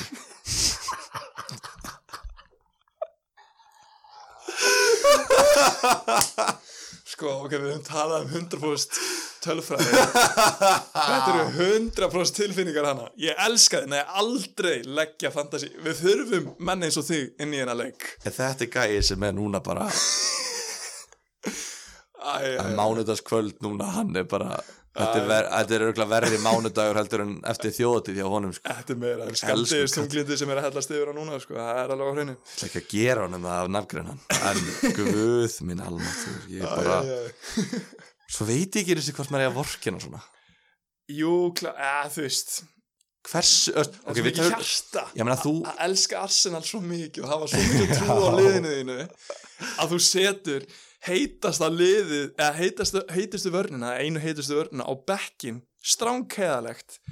Ó, ég elska þetta. já og líka bara að því að það sko þú, veist, eins og þú ert með Daniel James þarna og því þú ert Mm. mannjöfstöðnismæður, þú mátt það alveg en sem Arsenal stöðningsmæður Mm. þeir eru vonlausir Já, þú ert svo- hversu kengblindur ertu sem stuðnismæður Þú veist, að við tölum um að setja á sig stuðnismæðingleirun Já, þú ert með bara einhver alvarlega já, þú veist, þau eru límd á. ég- þau eru bara gjössan að límt á þig ef að þú, já þetta er rosalegt maður Ha, já, bara sko ok, þú veist, ok ef við horfum á þess frá hinu sjónunni það var ekkert eitthvað fráleitt að Arsenal myndi potin marki, skilur nei, nei, en en hann var með Matisson líka ah, Matisson og Sojongu svo jú hann er með sann endi Ass- 17 ass- stegum á bekkin að setja mati svona bekkin í þessu var alveg glórulust það verður, við verðum bara að slá hann aðeins niður á hjörna fyrir það Við verðum að Það er hreinskilja, sko. alveg glórulust, en ég meina, þetta er bara hlutalegnum hérna minn maður Benedikt segir ég er að spája að gera allt sem þið segið að sé gott en gerið ekki var með Marcelli Captain já, um, það er sniðugt sko Marcel Captain fyrir næsta leik hmm. Sheffield, nei hann er að segja að hann var með hann já, hann var með Já, ég er að pæli að gera allt sem þið segja að sé gott en gerið ekki að því ég sagði að Marcial væri góðu fyrirli Já, sagðist alltaf að hafa Marcial sér fyrirlega já. gerði það svo ekki, hvað Mm. gerist Marcial, ég reyndar að pæla hvort ég sé ekki að fara hvo- hvort ég sé ekki að fara að breytast núna því að, að því að þetta verður allt gengið eftir Mhm, og það er auðvitað bara því að ég hef ekki fyllt því sjálfur Nei, nei. nú ætla ég, ég er búin að vara við hlustundu við Mhm. ég ætla að fara að fylgja því sjálfur sem ég segi Þú ætlar að hlusta á þáttinn þegar þú kemur heim núna eftir Já, já. Þú ætlar að gera allt allt, ég ætla bara að fylgja öllu sem ég segi Ok og það þýðir náttúrulega að þetta hættir að gerast Það make a sense en sjáum til þetta uh, Hvað sem er meira skemmtilegt það er þetta er svo mikið samur búin að taka hérna, Downfall of Pookie, búin að taka það Já. Trent Ballon d'Or uh, í átak Ok svo segir minn maður hérna, Stefan Boga, hann segir allt nema Liverpool Allt nema við liður spurðum hvað ég var að ræða Já, meinar hann segir allt nema leifupúl Mér þykir, mér þykir þetta leiðilegt hvað svona heitir Ég gerði mitt besta En svo segir Ási Hjalta hvað leifupúl eru geggjaðir, ræði það já, ræða það Nei, Ah. við rættum það við við erum búin að taka það vel í gegn Herðu, þetta er bara svona hérna Sko, uh, sko, má ég spyrja Má ég gera dagskólu? eh, já, Þetta er mjög stutt já Hver, nennir að segja bara við mig núna Hver er líklegast skipting að fara að vera hér? ef ekki bara, já, ef ekki bara, hit upp í næstu umfyr Já, ok ef ekki er fari, það, dæmið? var það sem Ok. ég ætlaði að hugsa Ég held að ætlar að slaufa nefnilega Þannig að- uh, nei, Ok, ég, ég like ætlaði it. að hérna ég ætlaði að svona aðeins að, aðeins að skoða næstu Mhm. umfyr með þér mm. Já því svo mun ég og Aron gera það mm -hmm, betur en bara svona tökum, tökum 2-3 mínútur í næstu Algjörlega Næsta Þetta umferð byrjar að hugsa um einhverja skiptingar Sko, eins, eins og ég er búin að segja nokkur sinni í þáttum Þá, já City leikmennir eru á hraðri leið út um, Eftir að hún hérna, peppa svo jönk og svona mikið Þá er ég svona svolítið að spá ég að flega volker út uh, Fyrir hann um, Ég er svolítið skotin ennþá í hugmyndinni að spörs ég að fara að rústa vestam í næsta leik og setja hérna sonn inn fyrir De Bruyne en æ, það verður eiginlega við ekki næst að De Bruyne verður eiginlega einhvern veginn að verða þessi leikmæð sem maður hangir á og Já, bara velur hann og Já. gleymir honum verður eiginlega bara að hafa hann skilur þú veist, svo eh, að sjá hann stjórna þessu leikjum þegar það er koma það er bara, það er bara bónt að horfa á þetta ef þú ert ekki Já, með hann í já. liðinu þín sko. þannig að um, sko, leikinir sem að öskra svolítið á mig Sorry, líka bara punkturum með það að ef að De Bruyne fær stig mm, þá er þú, þú í þinni stöðu já, í top 50 þú ert líka svolítið dæmdu til að fara örugulegina, Já, af því já. ef Son skorar Mhm. það særi þig ekki neitt, af því Nei. það er engin í top 100.000 með Son í liðinu sinu já, akkurat þannig að þetta er rosalega erfitt af því að ég er Það- búin að tala um, og Aron er líka við erum tveir bara að eiga dapur tímabil, þannig að það er Einmitt. gott að fá okkur sem er að eiga gott tímabil mm -hmm, af því að það eru auðvitað margir hlustundi sem er að standa sér vel mhm. að fá, þú veist, þ- þ- sá, þá hlið fattar við, fá svo sett hérna Guðrun sem kunni ekki, nei, hérna já, eh, klálega, en sko, þú veist, það er mitt kemur að þessum punkti með það, að þú ert að spila svo mikið á mótærinni þína í þessu, í þessu dæmi þannig að Mhm. þú eh, fa, eh, þú verður að velja svolítið vel, svolítið trompiðin sem þú ert fara að vinna með, því og að þú vilt líka vera á undan þeim Já. að ná næstu bombu, þú vilt Einmitt. ná næsta púk í Akkurat. hérna, tímabili en það er einmitt málið út af því, þú veist, þú veist alveg að þetta bróinu er að fara að eiga leikja sem að leggur upp þrjú, fjögur Mm, já, mark, já. skilur þeir, þú veist, eins og, þú veist, þetta sittilið er með hyggsta en það vita allir að þeir munu fá uppsveiflun aftur, skilur þeir eru bara með hyggsta já, þeir eru með hyggsta, mér finnst það góð framder, það það ekki þannig að um, ég ætla ekki að ráleika neinum að uh, hérna, ég, þú veist, svona þegar maður spáir í þessu þá þá meikar ekki alveg nógu mikið sens að selja þetta bróinu þú heldur að þú takir Kyle Walker út fyrir svo Mér jánku finnst, það er líklegasta skiptingin eins og þú ert búin að selja þetta sá einhver dæmi, ég verð samt eiginlega að gera eitthvað varandi Jarmolenko sko já, Vestam eru cancelled, það er eiginlega svolítið bara staðan á þeim en hvað kostar Kyle Walker? uh, sa- 5,9 þú selur hann og þá færðu svo jánku þú getur, þú græðir eina miljón þar græðum hvað áttu í þar. bankanum? Eh, 0,1 Þannig þú átt 1,1 miljón og Jarmolenko kostar, hvað getur 16 á? 5,9 Þannig að þú getur keft eitthvað 7 miljónir Já. Vá það er Þú erfið þyrft- tala sko Já, getur, myndir ekki alltaf reyna að, græ, að finna hálfa miljóni viðbót einhvers staðar, annar staðar sko, nú kemur það nefnilega hálgjöru prinsipi hjá mér, mér finnst þessi mínustig svo vond hann er að, Já, nei, ég er bara að tala um þú veist, almennt skipting já, minna það Að taka Jú, kannski eina jú. skiptingu núna Kyle Já, Walker í já. Sjöangu já, og, bí, og að, að það sé Bíða einu- vandamál sem já, þú verður að klárlega. slökka en Jarmolenko kannski, mm -hmm, en það er bara svo 7 miljónir fyrir þú veist, þetta er svona þetta er akkurát svona þú ert að fara að fá eitthvað gott en ah, ekki já, alveg. já. og það er einhvern veginn og svo horfur þau niður og Já. hvað getur fengið fyrir sjöminunum, ekki Já. neitt, það er ekkert nema Ekki. bara Mhm, makkinn kannski já og svo er bara áfram þú veist, ekkert já, þessi, þessi mátt og þessi gæja skilur sem að er búin að hækka svo mikið upp í verði já. skilur, hann er að þetta þetta- þetta er leðri staða sko. ertu með mánt ég var með hann, ég seldi hann já, þannig að þú, það er eiginlega kannski eina pikki sem þú getur tekið á, já, á þessu budgeti á þessu budgeti, já eitthvað, eh, þú veist þetta, er- út af mannum finnst þetta svo innilega vera góð summa til þess að kaupa góða miðjum hann á, já, þú veist uh, Tílemans uh, ég munum ú, já, hann ég munum eftir að double, double upp í hennar vörninni Já, með já. lestir hann og þá verðum við þrjá lestir hann ég get eiginlega ekki tekið hann inn Nei. um, maður væri Já, til í að það- hafa bara það er fimm ekki. leikmenni í lestir í liðinu sinu Já, bara guður, bara liðið og fjóra í tjálsi reynda leikmaður sem ég elska um, sem er já, þetta er engin Magnús aðeins en Harry Wilson, Börmóð já, já, ég elska hann eitthvað og hann, hann á 6 miljónir já fyrir, fyrir Jarmú já, mér finnst það alveg mega sens já, já. þannig að segjum það að líklegstur út eru Walker og Jarmulenko og inn er þá Sojanko og Harry Wilson örgulega eitthvað byrjar að huga að fyrirlega Sko, nú eins og þú veist, þá er ég í fyrsta prósundinu Ég er, ég er efsta prósundu en nú aftur, það var engin að spurja um, Þannig að þetta er eh, aftur svolítið sama spurningin með það að velja bara safe bet er það Em. að skoða eitthvað svona skoðanakannanir og fylgja því að Nei, nei reyndar ekki Ponsan er í því sko Já, hann, er- hann er það sko hann er líka reyndur sko Já, en að glindum alltaf að koma inn á það, ég og Ponsan, við erum sko við erum feðgar, þeir eru feðgar já, já, hvernig hvernig annan, svona pappa já, já, já. en hérna uh, allavega um, það sem að grípur náttúrulega auga mest obvious choice er þessi Crystal Palace liðupúleikur já.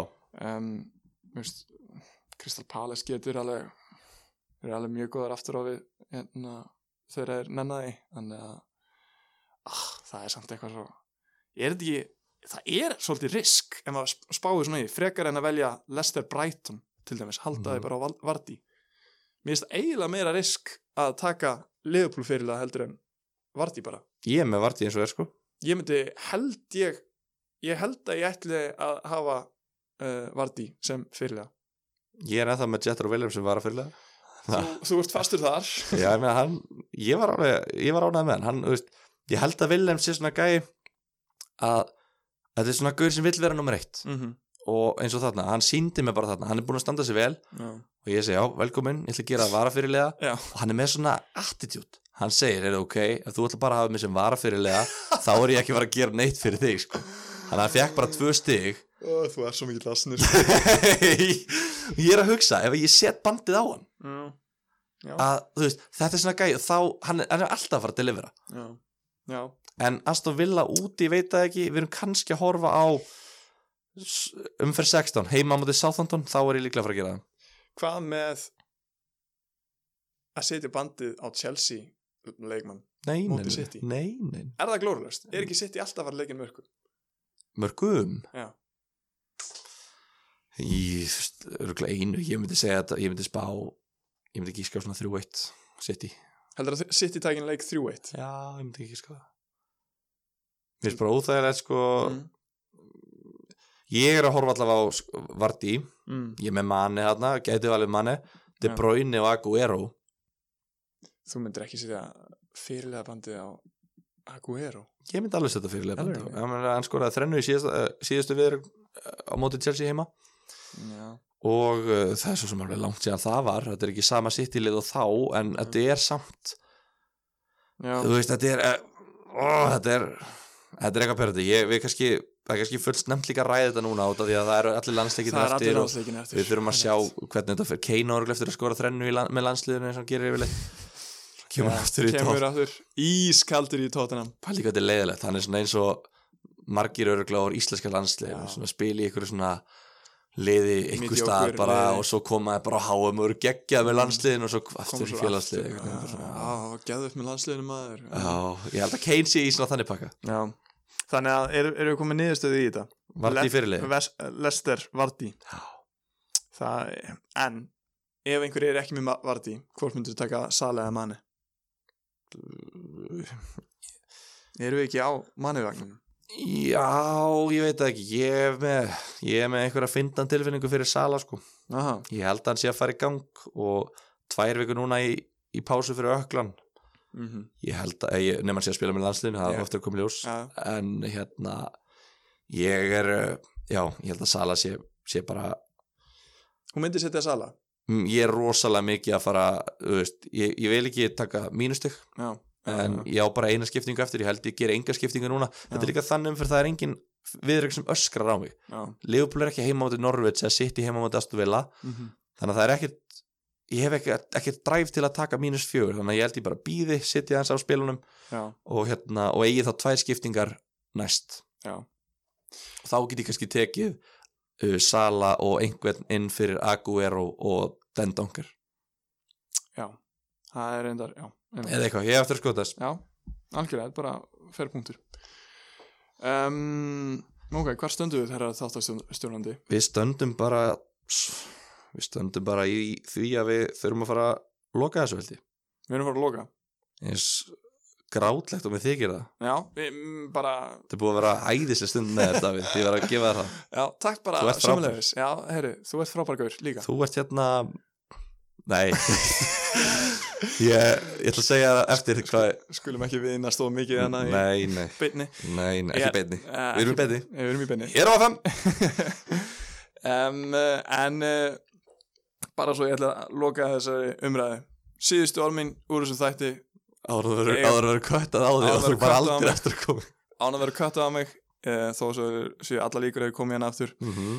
um, Spurs er að fara að rústa vestam í næsta leik og Wood er að fara að skora tvö mörg heyrðu það fyrst hér takk fyrir að lusta uh, finnið okkur á Instagram og Facebook finnið okkur á Instagram og Facebook Þú veist, ger, finnið okkur, sko uh, ert, ert að segja þeim eða ert að spurja ég er að segja það þeim ég er ekki, ég er ekki, að, byggja, ég er ekki að bjóða þeim að skilur ég er bara að segja þeim það ég, ég held að væri svona eru þið að finna okkur Nei, nei, nei, skriðin um fanta nei, þetta var aggressífur bóðháttur já, já, já, skil finnið okkur á Sko- Facebook þetta snýst meira um Instagram samt sko já, og Instagram, já ég er bara, bara ma- tjekkja á fantabröðum á Instagram þú veist, þeir eru með umfjöllun meðan leikin er í gangi þú veist, þeir eru bara kannski ekki eitthvað brjálað en Já, þegar það er eitthvað aðeins í gangi, skilur Þú veist, ég nenni ekki að horfa á eh, Newcastle, Norwich eða hvað það er og þú hérna, hendir inn einhverju ég nenni því þú hendur inn upplýsingu um þetta Þú ert betri en ég Nei, nei, bara þú veist að líka bara, að, að það er svo gaman að hafa eitthvað svona